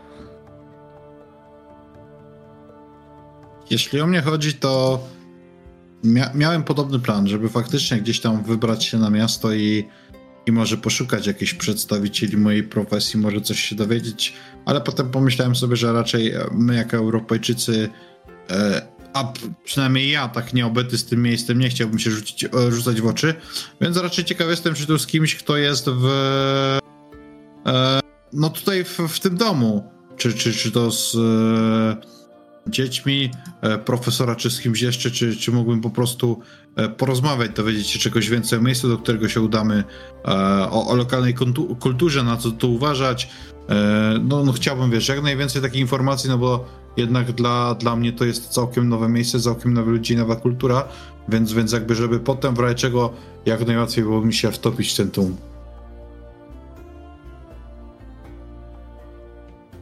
Dobrze. Harry, jaka jest decyzja? Z twojej strony? E, Amelia, rozumiem, jedzie zobaczyć miejsce. Tak. E, George będzie po domu chodził, rozpytywał domowników. Hmm. Harry, możesz się udać ze mną. W sumie, no tak, masz rację, masz rację, masz rację. Dobrze. Opowiem ci troszeczkę, znam tu kilka ciekawych miejsc. Mhm. Dobra. Moi drodzy, e, żeby nie wyczarowywać czegoś z kapelusza tak naprawdę, mm, George, jeżeli będziesz pytał jeszcze domowników tak naprawdę, to wszystko, co mogliście się dowiedzieć, dowiedzieliście się od profesora Demira. Hmm? Reszta tak naprawdę nie wie za dużo w tej sprawie. Zauważyłeś wielkie poruszenie w domu, bo wszyscy są przejęci losem y, młodszego brata, który został porwany i bardziej w tym szukają jakichś odpowiedzi, pytań mm, i w, może tak, szukają pytań, a was szukają odpowiedzi. Raczej oni od, już mhm. odpowiedzi nie, nie dostarczą. Szybki rzut oka, wyjście na, na okolice, albo także jak e, Harry rusza z Amelią na miejsce spotkania, to miejsce między innymi takie, jakie moglibyście się spodziewać. Brzeg, niedaleko znajdują się doki, a także jeszcze drewniane, długie łodzie, statki, które znajdują się przy krzywym rogu, przy całej zatoce. To nie jest miejsce, w którym często znajdują się na przykład strażnicy, policjanci osmańscy. To raczej miejsce, które znajduje się na uboczu. Czy można by było znaleźć sobie jakieś miejsce, w którym warto byłoby się zaczaić, pójść tam trochę szybciej i, i poczekać, a następnie zaatakować z zaskoczenia? Naturalnie bez żadnego rzutu wydaje mi się, Amelia, że jesteś w stanie parę takich miejsc znaleźć. W końcu nie powiedzieliście nikomu, mm, ani nie, nie musicie się nikomu na, anonsować, ile osób przyjdzie i tak dalej. Ważne jest to, żeby mm, obietnica została spełniona. Niemniej jednak, Amelio, musisz wiedzieć, że jeśli porywacze zażyczyli sobie tego, abyście wszyscy opuścili Konstantynopol, na pewno nie unikniecie pytań o to, jeżeli nie postawi się was cała wasza czwórka. Naturalnie. Um, Jean-Louis, ciebie będę prosił o test inteligencji za to. Jeden punkt. Eee, możesz obniżyć, jeśli chcesz. To się obniżało, co nie? No, możesz forsować też naturalnie. Nie, obniżę. Dobrze. Czy jest jakieś konkretne zaklęcie, które przykuło Twoją uwagę, czy mam Ci przeczytać wszystkie, które coś robią? E, powiem tak. Mogę zadać kilka? Oczywiście, pytań, tak, tak, dlatego Dobra. E, wyssanie fezu. Czy to, czy to znaczy, że ja na przykład mogę zniszczyć ten fez albo go uwolnić tego jego mościa, który przybył z nami od tego feza? Wśród fezu? tych zaklęć, które znajdujesz tutaj, jesteś pewny, że nie ma żadnego, które mogłoby zniszczyć fez albo go osłabić. Dobrze. E... Jak to wyglądało właśnie? Wiesz jednak, że są takie y, zaklęcia, trzy z nich mhm. przynajmniej, czyli wyssanie fezu, mhm. kontrola poddanego oraz władanie fezem, wymagają mhm. kogoś, kto założy fez, czyli że staje się władcą fezu w tym momencie, oraz drugiej osoby, która nosi fez. Mhm. Czyli te trzy zaklęcia może rzucić Zając... tylko osoba, osoba musi mieć fez, musi być władcą fezu.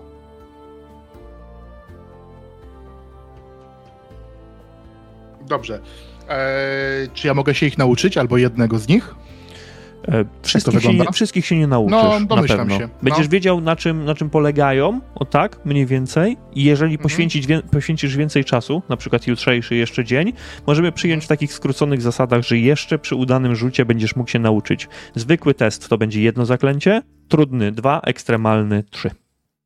Dobrze, to ja będę chciał to zrobić, tak naprawdę. Nie wiem kompletnie nie wiedząc, od razu zaznaczę, czy ja go wykorzystam, bo to by oznaczało założenie fezła, tego absolutnie nie chcę zrobić. Yy, ale będę chciał się ich nauczyć. Dobrze, czy masz jakieś pierwsze, o które chciałbyś zapytać? Kontrola poddanego. Yy, dobrze. To zaklęcie przyspiesza proces przemiany osoby noszącej artefakt w poddanego krwisto-czerwonego fezu. Mhm.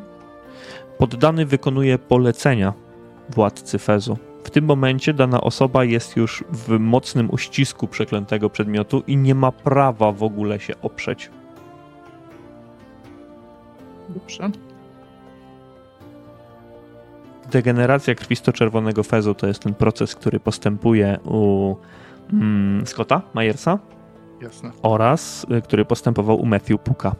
Przypominam ci jeszcze, że tego wieczora, jakby popołudnia, mija okres ochronny twojego zaklęcia, więc będziesz musiał zadeklarować, czy je przedłużasz, czy pozwalasz mhm. jakby mm, Majersowi się zdegenerować bardziej. Tak, ja je przedłużę, jak najbardziej. to zapraszam ciebie do rzutu dodatkowego na, ten, na, ten, na to zaklęcie.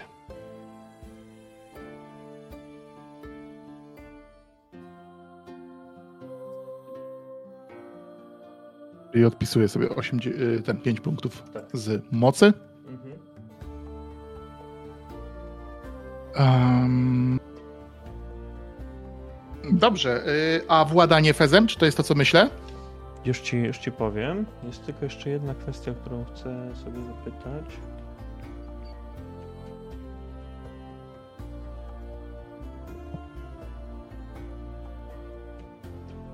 Dobra, dobra, dobra, dobra. Władanie fezem. Mhm. To jest chyba bardzo ważny, e, bardzo ważne zaklęcie, ponieważ każda osoba nosząca krwisto-czerwony fez może wykonać przeciwstawny test mocy przeciwko innej osobie, która nosi ten artefakt. Ta, Mhm. która zwycięży, staje się władcą fezu. Ta, która przegra, może opierać się magicznej kontroli przez 20, kolejne 24 godziny, ale sojusznicy mogą dobrowolnie oddać się we władanie fezu. Tej osoby, która Jasne. nosi fez. Rozumiem. Dobrze. To tyle. To jakby Te dwa. te dwa. To które z nich chciałbyś wybrać do nauki? Władanie fezu. Dobrze, no to władanie fezem w takim razie sobie zapisz. Mm, mm, mm. Aha, tryb edycji już. Władanie fezem. Mhm. Koszt brak, Mhm. jedna runda. Mhm. No i przeciwstawny test mocy z kimś, kto już włada fezem. Aha, czyli koszty punktów mocy i poczytalności i tak dalej nic? Nie ma. Okej. Dobrze.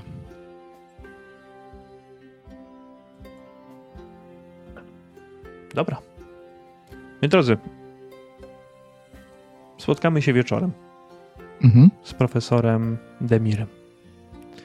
Kiedy już jest ciemno i siedzicie przy świetle lamp w tym samym pomieszczeniu, w którym znajdowaliście się jeszcze jakiś czas temu, zanim Amelia, Harry wyszli na miasto, zanim George zaczął rozpytywać i zanim Jean-Louis pogrążył się w lekturze. Tej samej, w tej samej lekturze, w, także w lekturze pogrążył się profesor Demir, który w końcu otwiera drzwi do swojego gabinetu i wychodzi wam na spotkanie podczas kolacji. Jestem po wstępnej lekturze.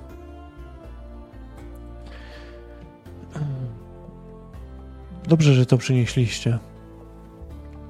Do wykonania tego, co jest opisane w tej części perskiej, nie jest wcale niezbędny prawdziwy książę. Każda osoba, która będzie miała na sobie fez i odprawi rytuał, będzie niczym właśnie sam książę. Skutki mogą być katastrofalne. Rytuał pozwala na to, aby do naszego świata przedostała się bardzo plugawa istota, wykraczająca poza ludzkie koncepcje zła. Postać znana jako ojciec wszystkich czarnoksiężników.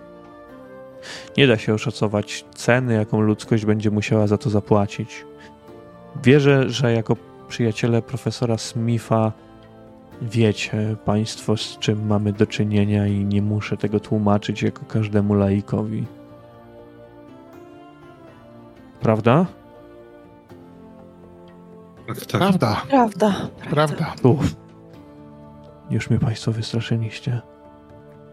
Przybyliście tutaj jednak po to, aby dowiedzieć się, co jest zapisane w hieroglifach. Owszem. Tekst ten opisuje pewien rytuał. Ktoś musi założyć fez w pobliżu aktualnego władcy fezu, wyzwać go i pokonać w bitwie na siłę woli. Symbole na fezie opisują rytuał, który pozwala tego dokonać. A kiedy to się stanie, artefakt i wszystkie mu podobne zostaną zniszczone całkowicie.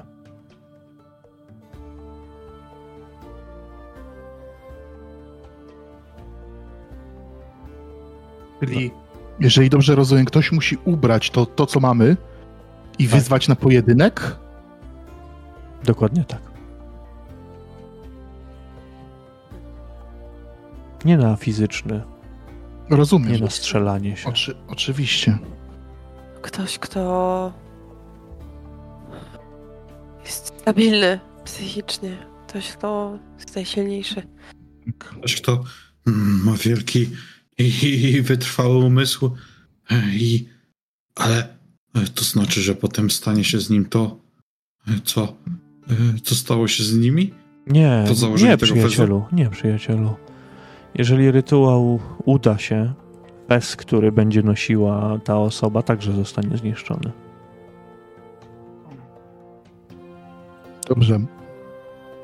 Ja, zgłębiałem, em, kiedy, wyś, kiedy was nie było, te, te, te czary, które były w tej księdze i nawet chciałem zaproponować, że w ostateczności planem mogłoby być, że ja założę fes i rzucę, postaram się rzucić na nich zaklęcie, które da mi nad nimi kontrolę, a wy potem po prostu sprawilibyście, żeby ten fest nie, nie przejął nade mną władzy, ale to może być plan B. Ja mogę go założyć i postarać się wysłać. Jestem chyba całkiem zdrowy i stabilny psychicznie, żeby to, żeby temu podołać. Szczerze mówiąc, ja nie mam nic przeciwko takiemu rozwiązaniu. Na pewno e, nie wyobrażam sobie siebie e, podejmującego się założenia tego, więc jeśli ty, drogi Jean-Louis, jesteś chętny, ja nie będę protestował. Tak. Mogę, uznajmy to, że czynię to również z, może nie powinienem tego mówić, ale ciekawości. Nigdy nie sądziłem, że moje badania w cudzysłowie doprowadzą mnie w takie w takie miejsca i w takie, takie arkana. Wierzę w ciebie, Jean-Louis. Jeżeli ktoś ma tego dokonać, wiem, że to możesz tylko ty zrobić. Mm, Ja tak. bałbym się już dotykać nawet tego fezu. Namącił w mojej głowie tak, że...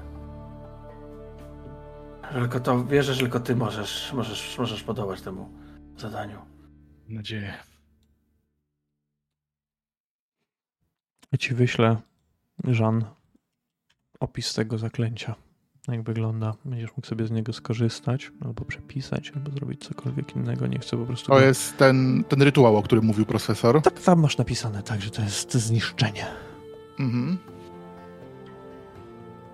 Mężczyzna jakby rozkłada ręce na boki. To. To chyba wszystko, z czym jestem w stanie pomóc. Wydaje mi się, że jeżeli nie będziecie mieli jakichś pomysłów, możecie przeczekać tutaj do wieczora, a następnie udać się na spotkanie.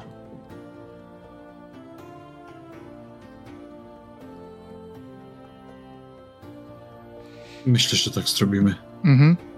Tak. Dobrze.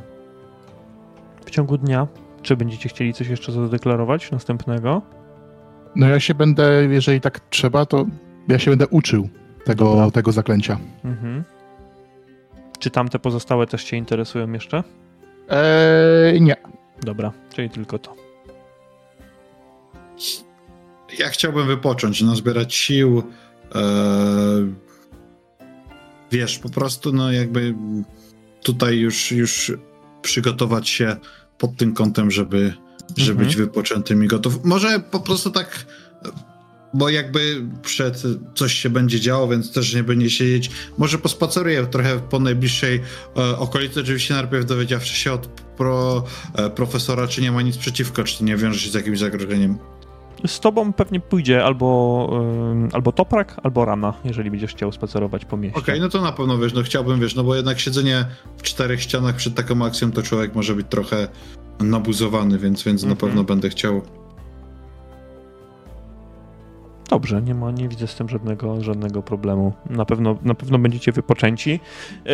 E, Z wyjątkiem pewnie Żana Louis, bo on weźmie na siebie większość przygotowań takich umysłowych pod e, nadchodzącą konfrontację.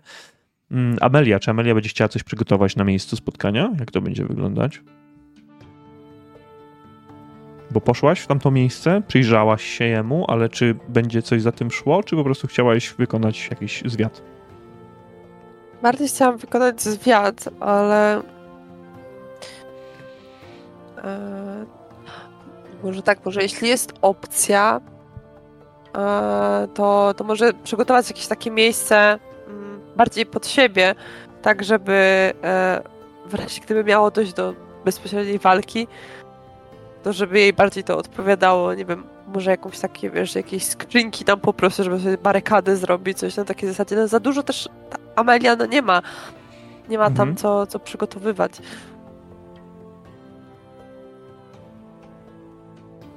Dobrze. To jeszcze pytanie kieruję znowu do Harego.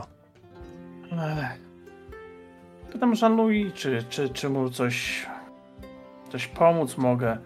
Zaklęcia nie chcę się uczyć, ale może coś mogę mu tu po prostu o, pomóc. Ewentualnie, jeżeli Amelia ma sama tam jechać, no to ja, no, ja posługuję się tureckim spokojnie, znam Istanbul, więc mogę po prostu być tam jako dodatkowo tłumacz, czy, czy, czy, czy coś takiego. Także no, no nie mam pomysłu, tym bardziej tak jak nad przeglądam te moje umiejętności. Ja myślę, że ja w międzyczasie też powiem, e, właśnie może Haremu, że będę potrzebował kontaktu wzrokowego z władcą, więc mm, musimy się udać A. na to spotkanie. Okej. Będziemy musieli, tak, wywołać ich. Nie zrobimy tego z zaskoczenia tak bezpośrednio. Potrzebuję stanąć tam, w tym fezie i, i spojrzeć w oczy zapewne tej kobiecie. Ona się Nisra nazywała, prawda? Tak. Zapewne tej, tej Nisrze. Tak, Isra. Okej, okej. To jest. i wytrzymać kilka minut tego kontaktu. Nie wiem, może będą chcieli przerwać mi wykonanie tego rytuału. Co ja nigdy nie spodziewałem się, że ja powiem takie słowo. Takie słowa, zatem będzie trzeba, będziemy musieli jakoś ich od tego odżegnać. Tego będziemy my, przyjacielu. Będą musieli po nas przejść, żeby dotrzeć do ciebie. Mm, Mam nadzieję, że nie narażę was na, na nic, na żadne szkody. Hmm. Ta broń palna wydaje się coraz bardziej jednak Niestety. potrzebna. Nawet. Ja nie pamiętam, czy ty Harry, kupuj, kup, czy ty Harry kupowałeś jakąś? hmm, Więc nie, ja myślę, że, w, lat- że ja gdzieś wyciągnę ten rewolwer, który ja kupiłem z kolei w Londynie i ben, będę ci chciał to dać, mówiąc, że myślałem, że ja będę go używał, ale wygląda na to, że mi przypadnie inna rola w tym wszystkim, więc weź go. Wiem, że nie lubisz, ale może się przydać. Ile Harry się waha oczywiście i wyciąga tą rękę, tak jakby wyciągał po ten fez, czuje się właściwie ten bierze, waży ten rewolwer i sama broń. Tutaj jest już najwyższa stawka. Prawda. Zrobić z niego użytek. Na tyle, na ile będę potrafił. Dobrze. Każdy z Was, jeżeli będzie chciał, może zostać doposażony też tutaj przez profesora Demira i przez Topraka w broń. Jeżeli będziecie chcieli dopisać sobie rewolwer, możecie to zrobić. I on będzie zadawał 1d8 obrażeń.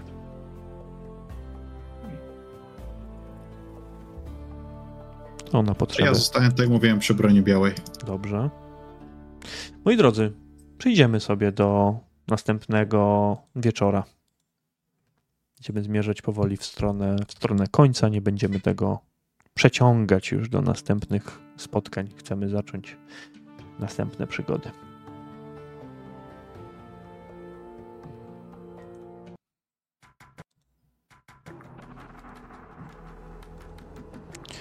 Wymiana będzie miała miejsce o północy. Miejsce, jak już wcześniej wspomniałem, to doki Kasima Paszy po stronie Złotego Rogu od strony dzielnicy Pery. W pobliżu rampy załadunkowej. Pracownicy nocnej zmiany są tutaj dość aktywni, a w pobliżu zacumowana została turecka flota. Na miejscu spotkania na pewno pojawi się kilku waszych przeciwników, ale w jakim ułożeniu chcielibyście pójść tam? Ostatecznie jeszcze raz zapytam właśnie, czy Amelia, jeśli znajdzie odpowiednie miejsce do siebie, aby strzelać na przykład z zaskoczenia, będzie to robić, czy wyjdzie vis-a-vis razem ze swoimi sojusznikami? Nie, myślę, że Amelia właśnie będzie gdzieś stała, tak gdzieś być takim planem ubezpieczającym. W razie gdyby wszystko miało pójść nie tak, to osoba, która umie, umie strzelać, powinna, powinna być tym zaskoczeniem dla przeciwników. Reszta rozumiem, że idzie. Parę na pewno, tak, tak, tak, tak, tak. Będzie. Ja myślę, że może trochę, wiesz, ja trochę z przodu, może się delikatnie skradając, żeby gdzieś tam wybadać sytuację, ale domyślam się, że prędzej czy później tak po prostu musimy tam wyjść i, i stanąć wszyscy na tym spotkaniu, więc po prostu chciałbym zbadać najpierw, czy nie ma tam jakiejś pułapki. Ktoś z nami Ja- jeszcze jedzie? Gdzieś w oddali, na pewno z tyłu jest Toprak i Rana, ale oni nie będą uczestniczyli w tym. Profesor Demir też na pewno nie chce, aby kolejne z jego dzieci były narażone na niebezpieczeństwo.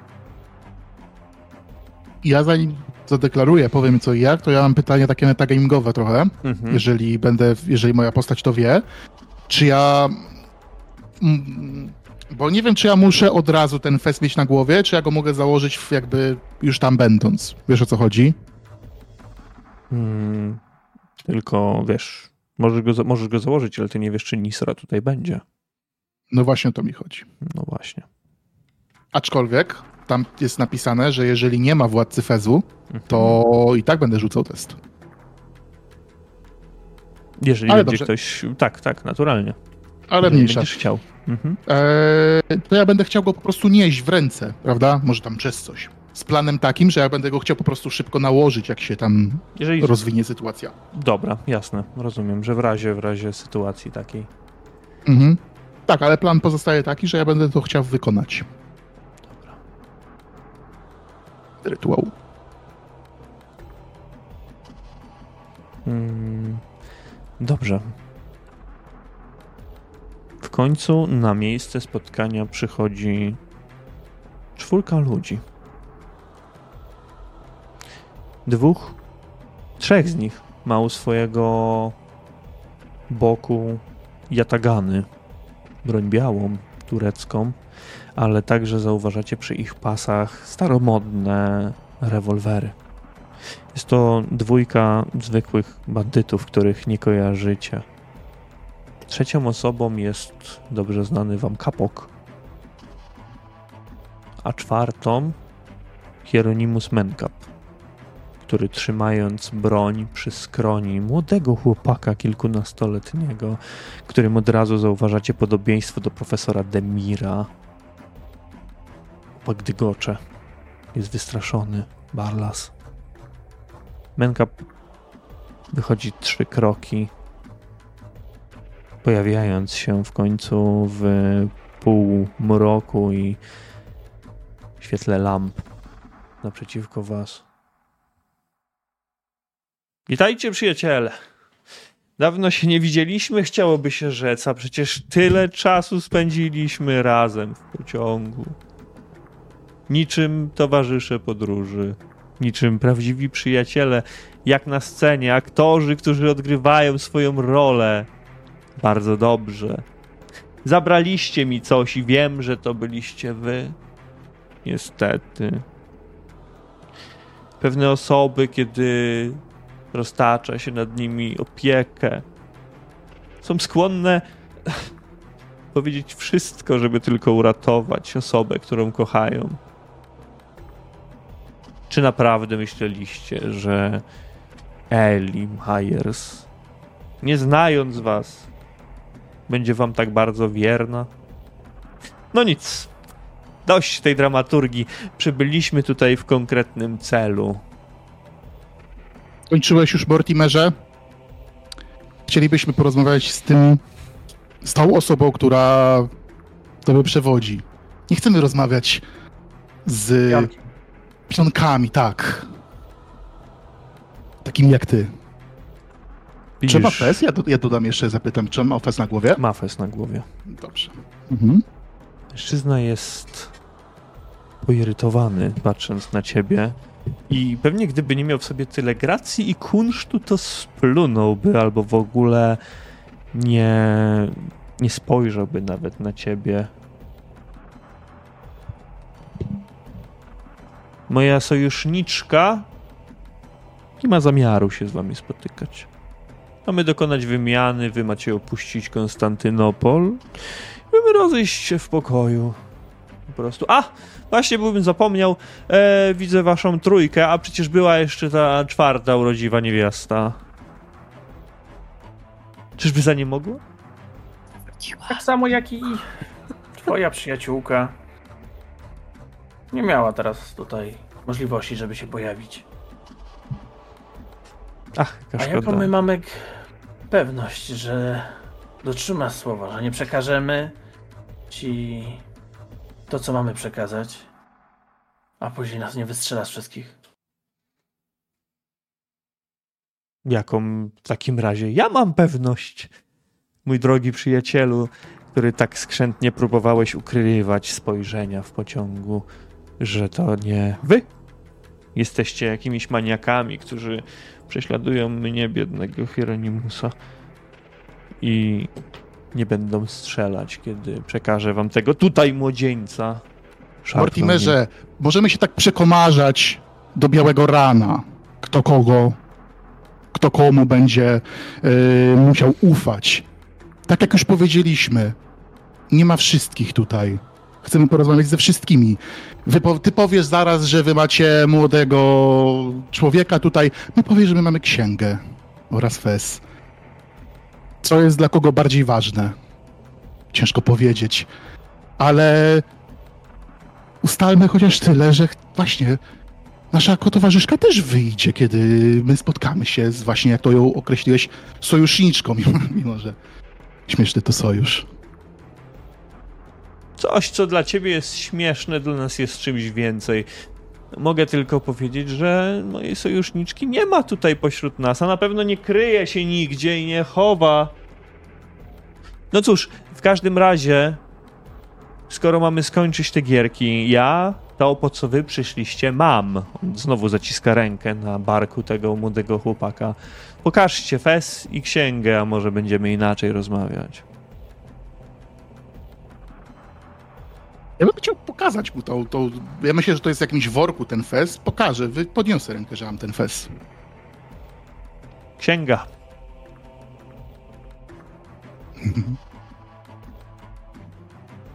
Nie wszystko naraz.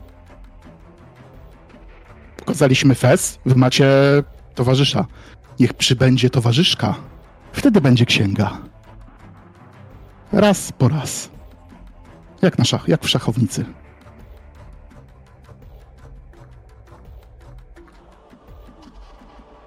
Proszę od ciebie test na perswazję, ale ja potrzebuję niestety ekstremalnego sukcesu. Ja mogę jakoś go wesprzeć? Właśnie, czy my jakąś tam swoją postawą, czy stojąc, czy miny robiąc, jesteśmy w stanie... Macie remis tak naprawdę, jeśli chodzi praktycznie o ludzi, którzy tam, którzy tam są. Rzuciłeś czy nie? Bo nie widzę. Jeszcze, Ale, ale, jeszcze nie. perswazją, ale czy perswazja mogą mu pomóc, na przykład, żeby on miał ułatwienie? Znaczy E, miał kość premiową. No to ja potrzebuję jakiejś deklaracji od was odegrania tego. To ja nie rzucam na razie, poczekam, Tak. niech, niech może... Naturalnie. mhm, mhm. On jest, jest w zawieszeniu. Hieronimus nic nie mówi, po prostu czeka. Myśli. Tak jak wspomnieliśmy, my jesteśmy i tak już na twoim terenie. Wiesz doskonale, że tu nie czujemy się bezpieczni. Chcemy mieć jasność i klarowność tej całej sytuacji. Z tobą się dogadamy, a twoja, mówię to tak cedząc, sojuszniczka nas wykończy. Nie wierzę ci, nie wierzę żadnemu twojemu słowu. Udowodnij to, niech Niech twoja zwierzchniczka się pojawi, a i my będziemy mogli do końca też wyłożyć nasze karty. George?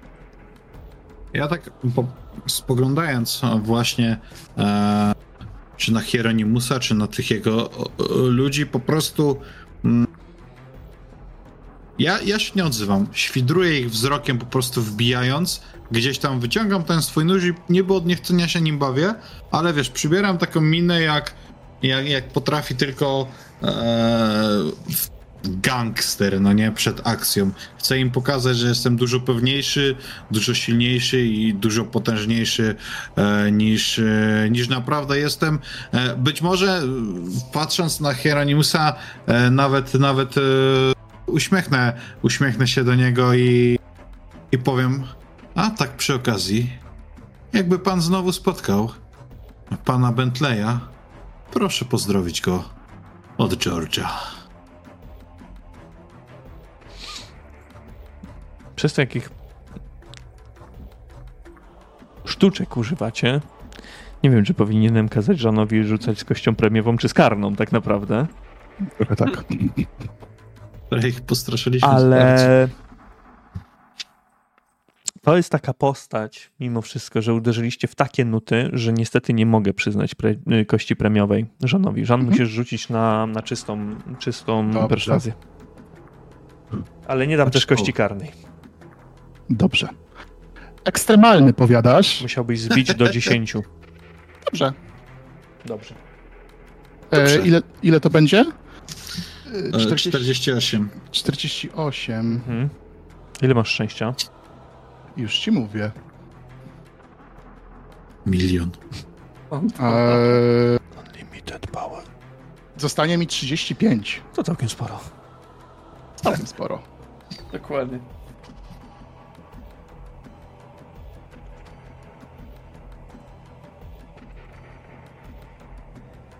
Mężczyzna długo myśli, co będzie musiał zrobić. I jego ludzie, którzy słyszeli to, co mówił George, chwytają za swoją broń, jakby chcąc mu pokazać, że ten nóż, który ma przy sobie, to jedynie wykałaczka. Ale nie wyciągają jej w ogóle. Menkap, czy też pan Leeds, przez długi czas myśli, trzymając tego chłopaka za, za bark. A następnie wyciąga coś ze swojej kieszeni. Mały zwitek papieru. I widzisz Jean-Louis, jak on wsuwa mu od boku to do kieszeni. Enkap spogląda na was.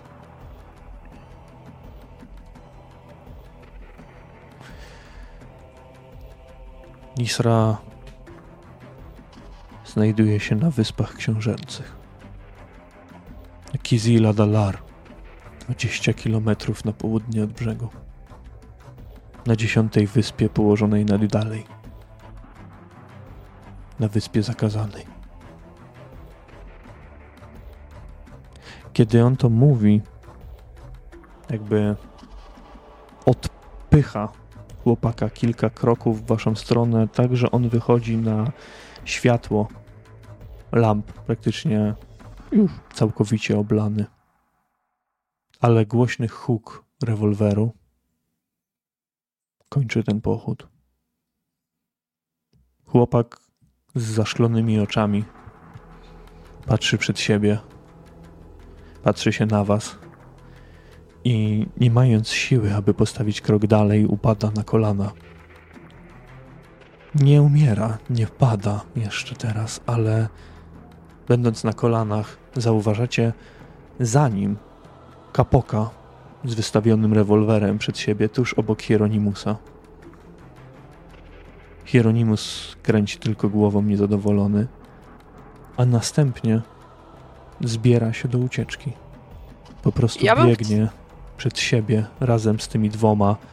Zostaje tylko kapok w pewnym momencie, ale on także będzie zbierał się po prostu w ciemność, w, mokr, w, w mrok. Amelio, możesz zareagować. Tak, ja bym chciała zacząć, zacząć strzelać do kapoka. Chciałabym go tam po prostu wykorzystać ten swój element zaskoczenia, że on nie wie, gdzie ja dokładnie jestem i strzelić do niego, zacząć do niego po prostu Ja bym palić. prosił, do żebyś. kapoka, do Hieronimusa. Ja bym prosił, żebyś rzuciła jeszcze na obrażenia broni w tym momencie. E, Na same obrażenia broni. To jakby na atak, ale możesz wiesz.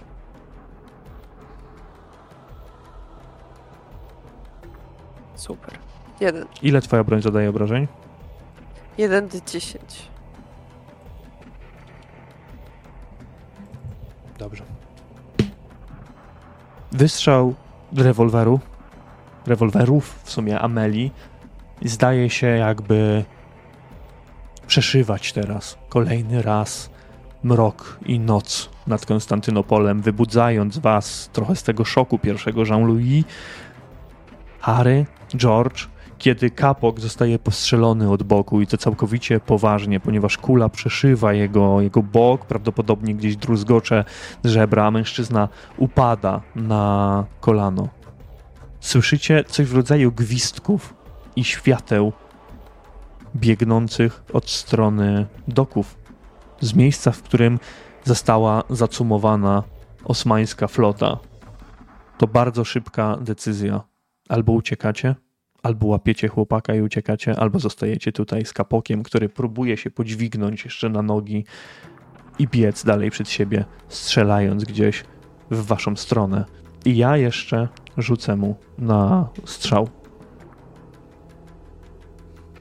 Ja powiem, że ja myślę, że łapiemy chłopaka i Tak, Tak, ja, ja uciekamy. pobiegnę złapać, złapać chłopaka. Myślę, że w momencie, że jak Amelia strzelała, jak oni uciekali, to e, George już był w połowie, w połowie drogi, żeby, żeby go podnieść i e, pociągnąć za sobą, nie wiem, zarzucić na ramiona, skarnąć go z nami. Dobrze. Łapiecie za niego. Odbiegacie w dwie różne strony całkowicie. Te gwizdy, krzyki ostatecznie cichną gdzieś za wami, kiedy wy wybiegacie na miejsce całkowicie dostępne przez zwykłych przechodniów, ale jest już po północy. Przejmuje was toprak i rana, ale widząc rannego brata, każą wam go położyć. Tutaj musimy sprawdzić, co się z nim dzieje. ja mogę się pomóc. stało? Ja mogę pomóc. Dobrze. Ja będę chciał go, ja będę chciał go opat- opatrzyć, pomóc mu, no bo no nie każda kula zabija od razu. Mhm. Rzut na pierwszą pomoc albo na medycynę będę prosił od ciebie. Mhm. Albo pierwsza pomoc. Już, już patrzę, ma, które mam lepiej. Medycyna. Mm. Sfor- Co się stanie, jeżeli będę forsował? Mm. Wiesz co, zdenerwowany całą tą sytuacją, no zaczniesz, nie wiem, rozdzierać jego ubranie, też się upaprasz we krwi na pewno tutaj, Mhm. to, będzie, to będzie na pewno widoczne tutaj i wydaje mi się, że możesz instynktownie sięgnąć do tej kieszeni, którą on ma, on ma coś w tej kieszeni i poplamisz krwią całkowicie tą notkę, którą on dostał od Menkapa.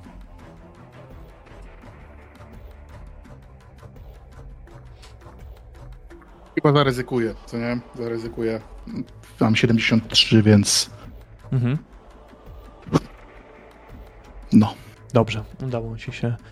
Jest ciężko, jest naprawdę źle. Mimo, że to jest udany test medycyny i wydaje ci się, że tak na szybko jesteś w stanie określić, że jego życiu nie zagraża niebezpieczeństwo w tym momencie, ale kula utknęła gdzieś w kręgosłupie i teraz może być to tylko kwestią losu i kwestią mm, nie wiem, Boga, opatrzności, czy chłopak Mm, Nazwę to po prostu tak, nie, nie, nie będę wchodził w jakieś medycyny, czy nie będzie sparaliżowany. Mhm. Więc ja to przekazuję, że trzeba jak najszybciej go zabrać do szpitala. Przeżyje, ale kula brzydko utkwiła. Trzeba go szybko, szybko zabrać do szpitala. Tak, dobrze, z, z wami wszystko w porządku? Tak, tak. Y, Rana, zabieramy go, szybko.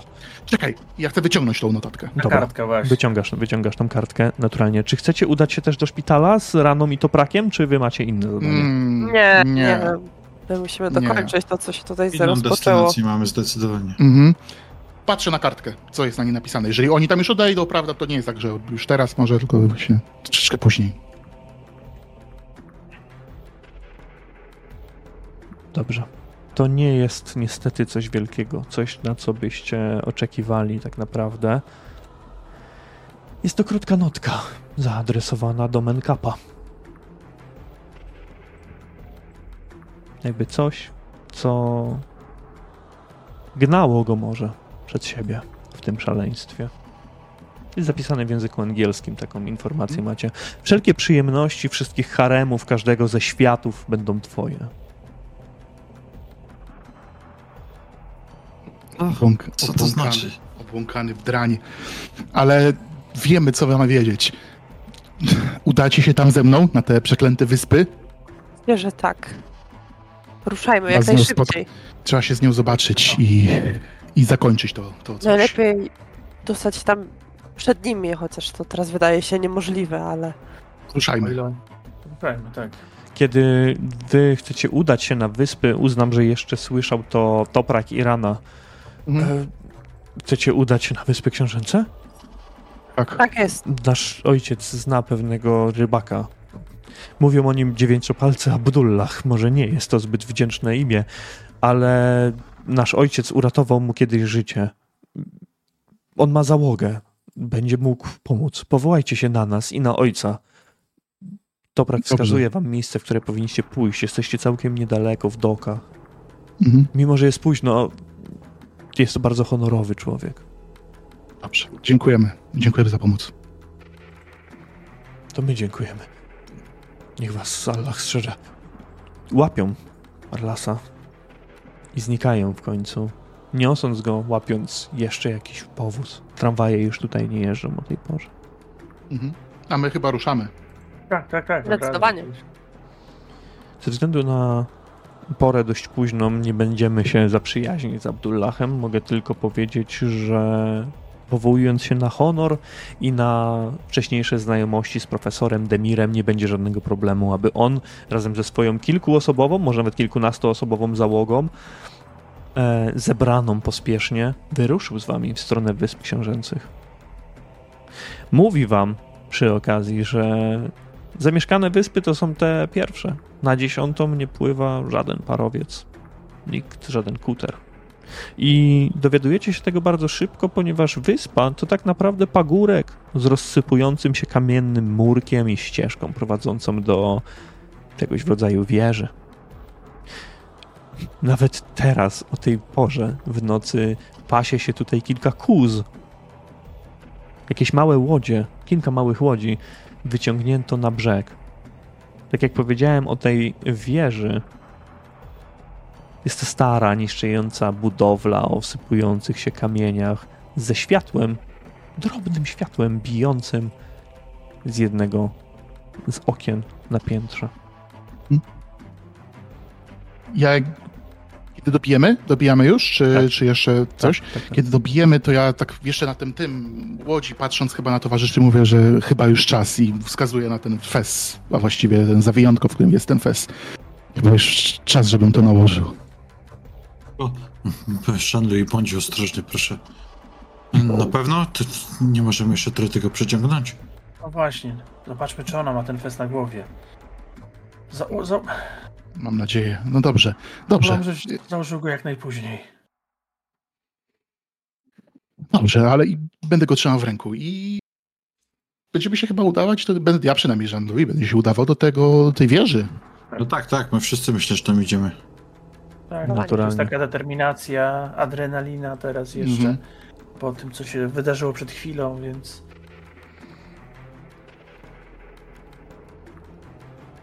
Wchodzicie coraz wyżej i wyżej w stronę wieży. Wieży, której drzwi są otwarte, a właściwie nie ma jej. Nie ma ich, przepraszam. Już od z pewnego dystansu zauważacie, że wnętrze także rozświetlone jest pochodniami, prowizorycznymi lampami, ale raczej skryte jest w półmroku. Dziewięciopalcy Abdullah powiedział, że ruszy razem z wami, ze swoją załogą. Tak, na wszelki wypadek. I okazało się to być strzałem w dziesiątkę, ponieważ już na samym parterze tej dwukondygnacyjnej mm, budowli zauważyliście kilkunastu ludzi odzianych w pezy, gotowych do walki. Jednakże do żadnej walki nie dojdzie. Zauważacie także mężczyznę odzianego w e, strój, w ubrania jakby należały do klasy arystokratycznej, ale bardziej sułtańskiej. Mężczyzna zasiada w klatce. Siedzi w czymś, co przypomina średniowieczną torturę. Miejsce, w którym trzymano więźniów. Złotą wręcz klatkę zawieszoną przy suficie. Mężczyzna kołysze się tylko do przodu i do tyłu, jakby nie zdawał sobie kompletnie sprawy z tego, co, co się dzieje. W pewnym momencie jednak zauważacie na piętrze przez balustradę, no, upartą o balustradę kobietę. Przepiękną dziewczynę, odzianą w stroje tancerki z haremu, która spogląda w waszą stronę z góry. Kiedy wchodzicie do środka, zbliżacie się nieco bardziej, dziewczyna unosi rękę, aby powstrzymać swoich ludzi przed nagłym atakiem. Oczekiwałam kogoś innego. Oczekiwałam Hieronimusa. Ale zawiódł mnie. Dobrze, że jest tutaj inny z moich sojuszników.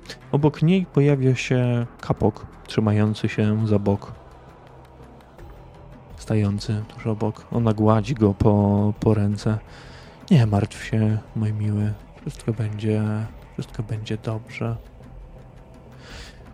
Potrzebuję otrzymać księgę, którą Hieronimus miał zdobyć.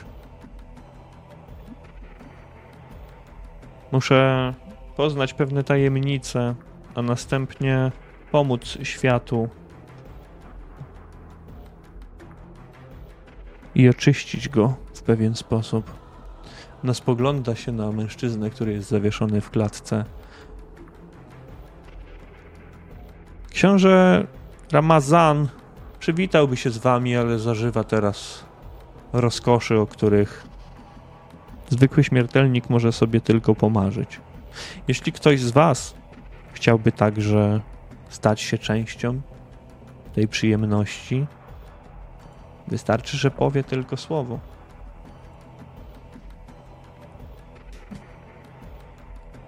Dziewczyna Nie, patrzy na was dziękujemy. zaciekawiona. Ja myślę, że pytanie jest jedno najważniejsze. Mhm. No Tutaj. właśnie. Czy Czy ma ona... na głowie fez? Naturalnie, że tak.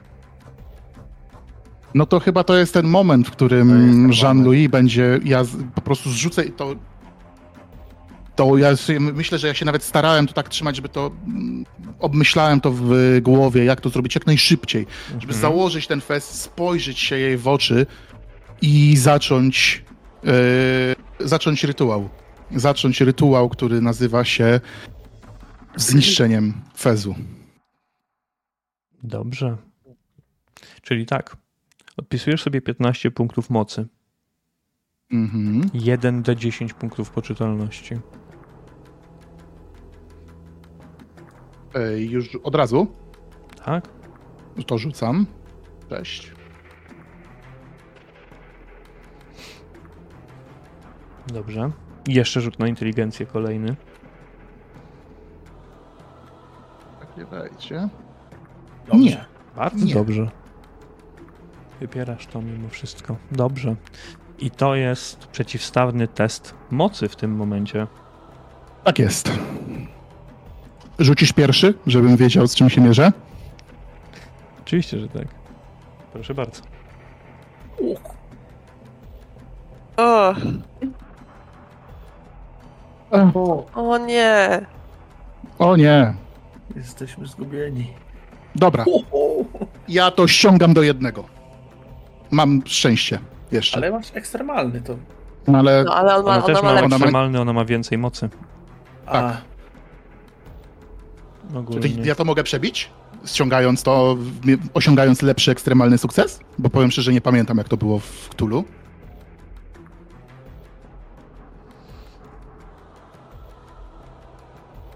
Czekaj. Ale rzuty po prostu. No, no, Pozwolimy. Wybór tak naprawdę. Nie, pozwolę ci. Jeżeli zbijesz do Tak jednego i rzut. będziesz miał krytyczny sukces, to przebijesz jej, jej możliwość tak naprawdę. Zbijam do jednego, zostaje mi 23 punkty szczęścia. W środku, tutaj, wszyscy mieli niemalże założone na głowie fezy. Muszę rzucić jeszcze Mhm. i jeszcze raz. Kurde.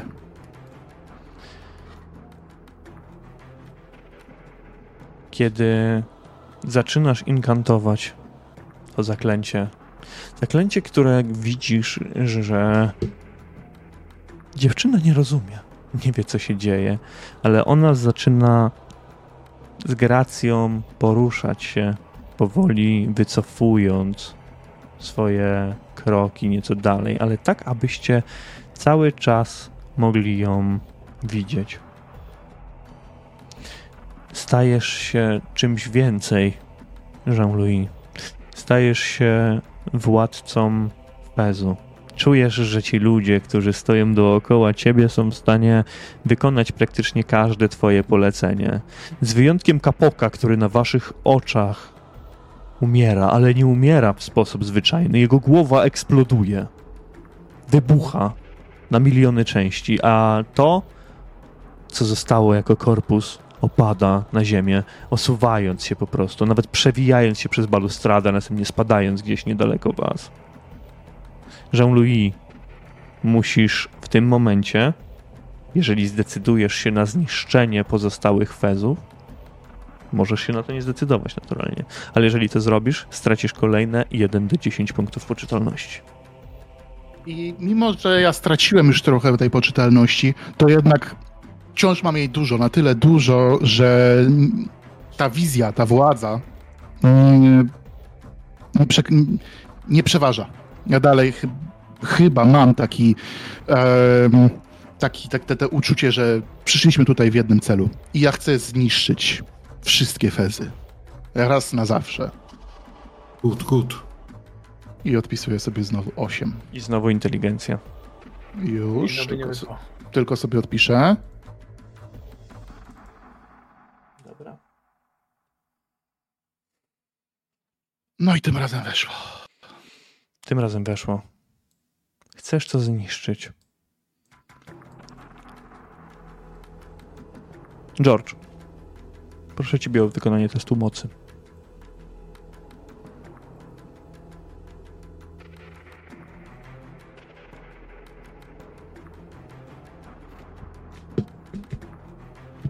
Musiałbyś zbić, bo masz słabszy.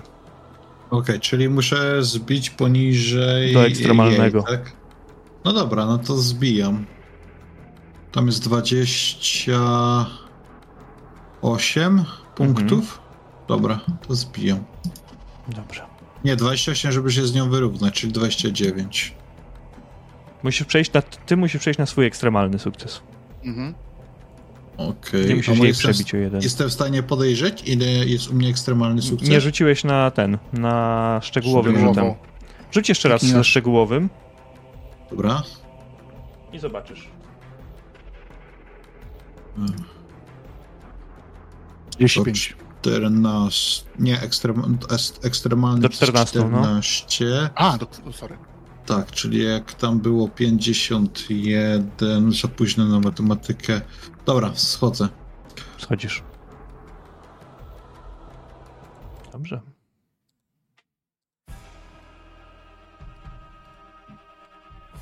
Czterdzieści siedem. Trzydzieści jeden.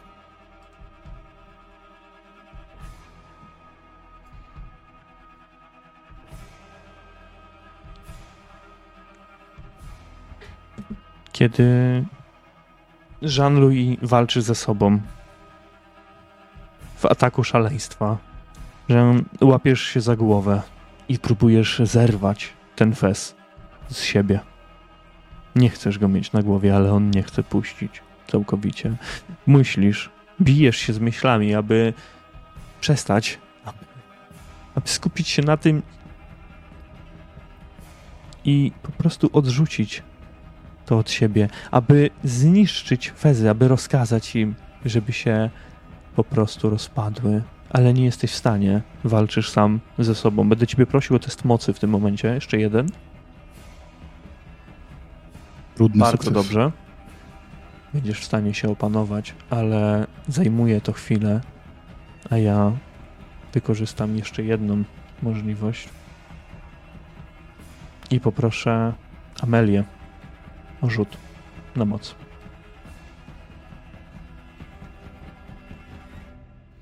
Lepiej. Melio,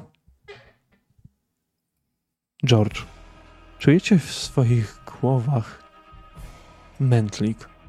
Jakby to wszystko zbijało się do siebie w jedną całość. Jakby to, że powinniście wyciągnąć swoje bronie i zamordować Żana Louis w tym momencie, było tym, co potrzebujecie zrobić.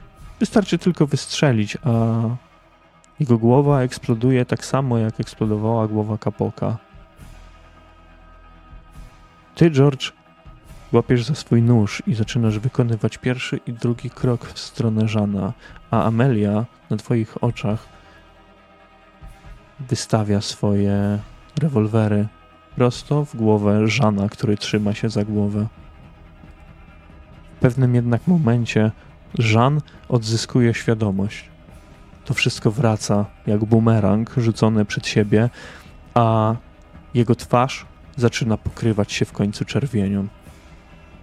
Fez, który miał wcześniej na głowie, zaczyna się rozpływać, tworząc coś w rodzaju mazi, jakiegoś płynu, który zaczyna zalewać twoją twarz, Jean-Louis. Nie widzisz nic, spływa to po twojej twarzy.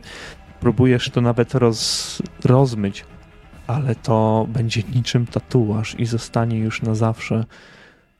Będziesz musiał odpisać sobie 5 punktów wyglądu, ale to jest szczegół. Na waszych oczach głowy innych kultystów, co po niektórych, także zaczynają eksplodować. Nie jesteście w stanie tego wytrzymać. Będę prosił wszystkich was o test y, poczytalności w tym momencie. Niektórzy z nich zaczynają zrywać z siebie swoje nakrycia głowy. Tak samo robi Nisra. Ściągają je po prostu i odrzucają w momencie, kiedy wszystkie fezy zaczynają po prostu niknąć, rozpływać się i zanikać. Po tym, co ty, Jean-Louis, miałeś na głowie, także nie ma już śladu oprócz tej czerwonej mazi. A miejsce to, w którym byliście, zaczyna się zdawać całkowicie, całkowicie normalnym w całej tej upiornej aurze. Każdy, kto nie zdał testu, musi sobie odpisać 1d3 punktów poczytalności. Jeśli ja miałam ekstremalny sukces, to czy mogę wykonać akcję? Tak. E, tak? Tak, No, tak, tak, naturalnie, przepraszam. E, w momencie, w którym zobaczyłam, że Nisra zrywa, zrzuca z głowy Fez, a ja, Amelia skupia się na niej, na jej osobie i te rew- rewolwery, które miała, w, tr- trzyma cały czas wyciągnięte w stronę Jean-Louis, chce je teraz przekierować w jej stronę i oddać strzał. Dobrze, możesz rzucić z kością premiową, nawet dwa razy.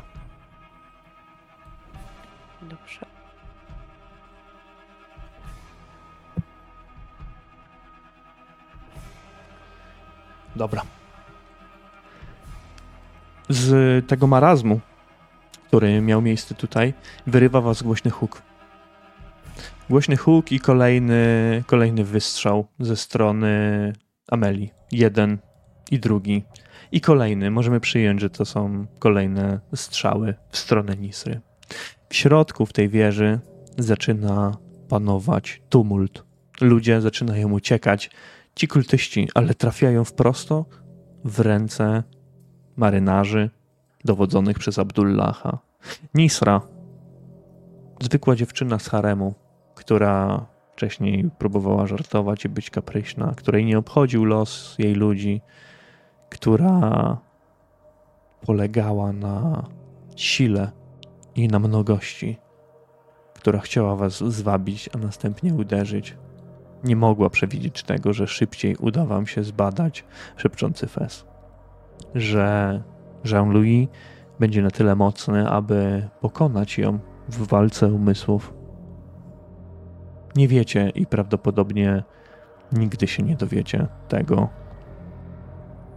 jaki miała plan i jaki rytuał chciała przeprowadzić. I czy on by się udał, bo to, czy jaki miała plan, to mogliście wiedzieć. Niemniej jednak jej ciało osuwa się na ziemię po kolejnych wystrzałach, a jej kryjówka, jak i poplecznicy zaczynają wierzchać. I którym się to uda. O Hieronimusie już tutaj nie usłyszycie. Nie będzie go w tym miejscu w żaden sposób. Niemniej jednak stwór, którego zwą Jok Sotot, nie pojawi się tutaj. Między innymi kolejny raz dzięki działaniom Żana Luisa, dzięki działaniom całej waszej czwórki. Wam pozostanie zakończenie tej misji. Zdanie swego rodzaju raportu i opowieści profesorowi Demirowi, a następnie, jeżeli ktoś z Was będzie chciał, powrót do Londynu. Sceną kończącą, czy też istnym epilogiem będzie niestety pogrzeb młodego syna, który wiedząc o tym, co się z nim wydarzy, będąc w szpitalu, szpitalu targnął się na własne życie całkowicie skutecznie. Nie było szans, żeby go uratować w żaden sposób. To smutne zakończenie historii, która zakończyła się mimo wszystko dobrze dla całej waszej czwórki. Żadne z was nie zginęło, chociaż byliście blisko. Żadne z was nie oszalało całkowicie, chociaż wiecie, że także byliście blisko. Jean-Louis, ty straciłeś bardzo dużo punktów poczytalności na tej sesji i wydaje mi się, że czasowa niepoczytalność to jest coś, z czym będziesz się zmagał, a będziesz na 100% wymagał opieki, może twoich współtowarzyszy. Na pewno nie będziesz już taką osobą, jaką byłeś jeszcze przed wstąpieniem do, do tej wieży. Chciałbym, żebyśmy zakończyli tę sesję i tę przygodę poboczną nie moimi słowami, ale waszymi słowami. Chciałbym, żebyście w kilku zdaniach, dwóch, trzech opisali, co będzie się działo z waszymi postaciami. Czy wrócicie do Londynu? Czy będziecie dalej znajomymi z profesorem Smithem? Czy porzucicie to? A może będziecie dalej podróżować po Oriencie? Hmm. Najbardziej, może nie najbardziej, ale ciekawi mnie podejście George'a do całej tej sytuacji, bo George opuszczał Londyn jako możliwość ucieczki z niego, ale w takim razie czy Konstantynopol okaże się być bardziej bezpiecznym miejscem, nęcącym, czy mimo wszystko młody Banks powróci do Londynu? Faktycznie, George założył sobie, że jest to dla niego okazja, e, żeby wyrwać się z tego deszczowego i mrocznego Londynu, ale po tym wszystkim to przeszedł przez całą podróż, e, po tym co stało się e, czy w pociągu, czy już tutaj na miejscu, postanowił wrócić do swojego miasta. Świat, który na początku wydawał się mm, drzwiami do lepszego życia, brutalnie go zweryfikował, zjadł, przeżył i wypluł. I jednak zrozumiał, że chociaż biedne, chociaż niezadbane i, i nieraz głodne, chłodne, to jednak te ciemne uliczki Londynu właśnie tak naprawdę są jego domem. E, wiedział, że zostało mu obiecane, że ktoś zajmie się jego matką, że, że nie będzie narzekać na biedę już, więc jakby swój cel pod tym, e, pod tym względem osiągnął, ale Myślę, że tak, że George na pewno, jak tylko szybko się dało, wrócił do Londynu. Oczywiście każdy z jego towarzyszy, których poznał w czasie tej wyprawy, mógł na niego liczyć. Być może ktoś też wrócił e, i wtedy gdzieś się spotykali, natomiast zdecydowanie George e, po całej tej podróży doszedł do wniosku, że wszędzie dobrze, ale w Londynie najlepiej. Czyli jednak Londyn. Jednak Londyn. Dobrze. Harry, ciebie będę musiał jeszcze poprosić o kilka słów, ponieważ księga jako taka nie została zniszczona.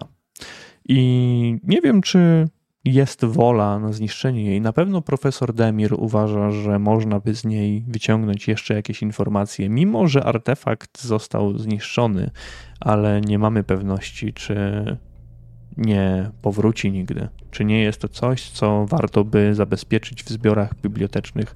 A Harry ze swoją umiejętnością czytania tylu języków mógł, wydaje mi się, być spokojnie zaproszony na może jakiś grant, może badania naukowe w Konstantynopolu, także pod opieką profesora Demira, który miał dostęp zarówno do, do uniwersytetów, ale także do Pałacu Sułtańskiego, gdzie przepastne biblioteki tylko czekały na to, aby je zbadać. Co na to powie Harry? Że tak powiem, czytasz mi w myślach, to właśnie chciałem, jak tak powiem, jak najbardziej zostać przy profesorze Demirze, tym bardziej, że Harry na początku swoją, że tak powiem, profesję rozpoczynał właśnie tutaj, w Kapadocji, Królestwie Kapadocji, pisząc, pisząc pracę, później wylądował na uniwersytecie, gdzie jednak no, nie czuł się za dobrze i ciągnęło go w teren i tu właśnie dostał taką okazję, o której mógł tylko marzyć, więc myślę, że jak najbardziej e, Harry nie wrócił już do, do Anglii, tylko został tutaj, żeby razem z profesorem Demirem zgłębiać tą, tą, tą wiedzę i poszerzać też swoje horyzonty. Jedna osoba została więc w Konstantynopolu. Amelio, czy ty jako córka słynnego podróżnika, człowieka, który żył podróżami, czy ty Wróciłaś jako taka dusza do Londynu, widząc, że twoja grupa po części się rozpada? Czy może udałaś się gdzieś dalej? W Konstantynopolu zatrzymała się także panna McGregor, która próbowała jakby uzyskać jeszcze kontakt do ciebie. Może chciała cię zaprosić w wspólną podróż do Armenii, a także pozostawał kontakt do Piotra Trubowskiego. Co zrobiła Amelia? No cóż, a więc e, Amelia, zważywszy, że ta przygoda chociaż choć nadszarpnęła dosyć mocno jej towarzyszy, ona w miarę wyszła obronną ręką z tego wszystkiego i z racji, że jest córką swego ojca, poszukiwacza, poszukiwacza przygód i została na taką wychowana, nie wróciła do Londynu. O nie, to by było zbyt łatwe. Przecież tak bardzo chciała z niego uciec, tam te mezalianse musiała zostawić za sobą i zostawiła je z, wiel z wielkim uśmiechem, bo czeka na nią świat, czeka, czeka na, nie, na nią inne kraje i przygody i, i rzeczy, które, które może odnaleźć i które sprawią, że to jej nazwisko, chociaż już jest sławne, ale to, to jej imię będzie, będzie jeszcze sławniejsze, więc ona na pewno ruszyła dalej. Oczywiście spotkała się z hrabią. Nie mogłaby sobie odmówić te, te, tego spotkania. E, być może ruszyła z panią, e, z panią reporter dalej ku przygodom. By, I na pewno w dalszych przygodach miała szeroko otwarte oczy, bo już wiedziała, co może tak na dobrą sprawę spotkać i w jakimś stopniu też zaczęła zgłębiać ten, te okultystyczne tematy. A więc grupa rozjechała się w różne strony. Amelia, spotykając się jeszcze z e, Piotrem, ostatecznie nie dowiedziała się o tych listach, które wziął ze sobą George, których sam zapomniał, trzymając je gdzieś w kieszeni swojego płaszcza, znajdując je jakiś czas później i przy ewentualnym pokazaniu ich komuś, kto zna język francuski, na przykład Żanowi. Może nie wszyscy mogli dowiedzieć się, a może tylko Żan poznał tę tajemnicę, że pomiędzy Piotrem a hrabiną Iriną trwał romans i to bardzo, bardzo długi.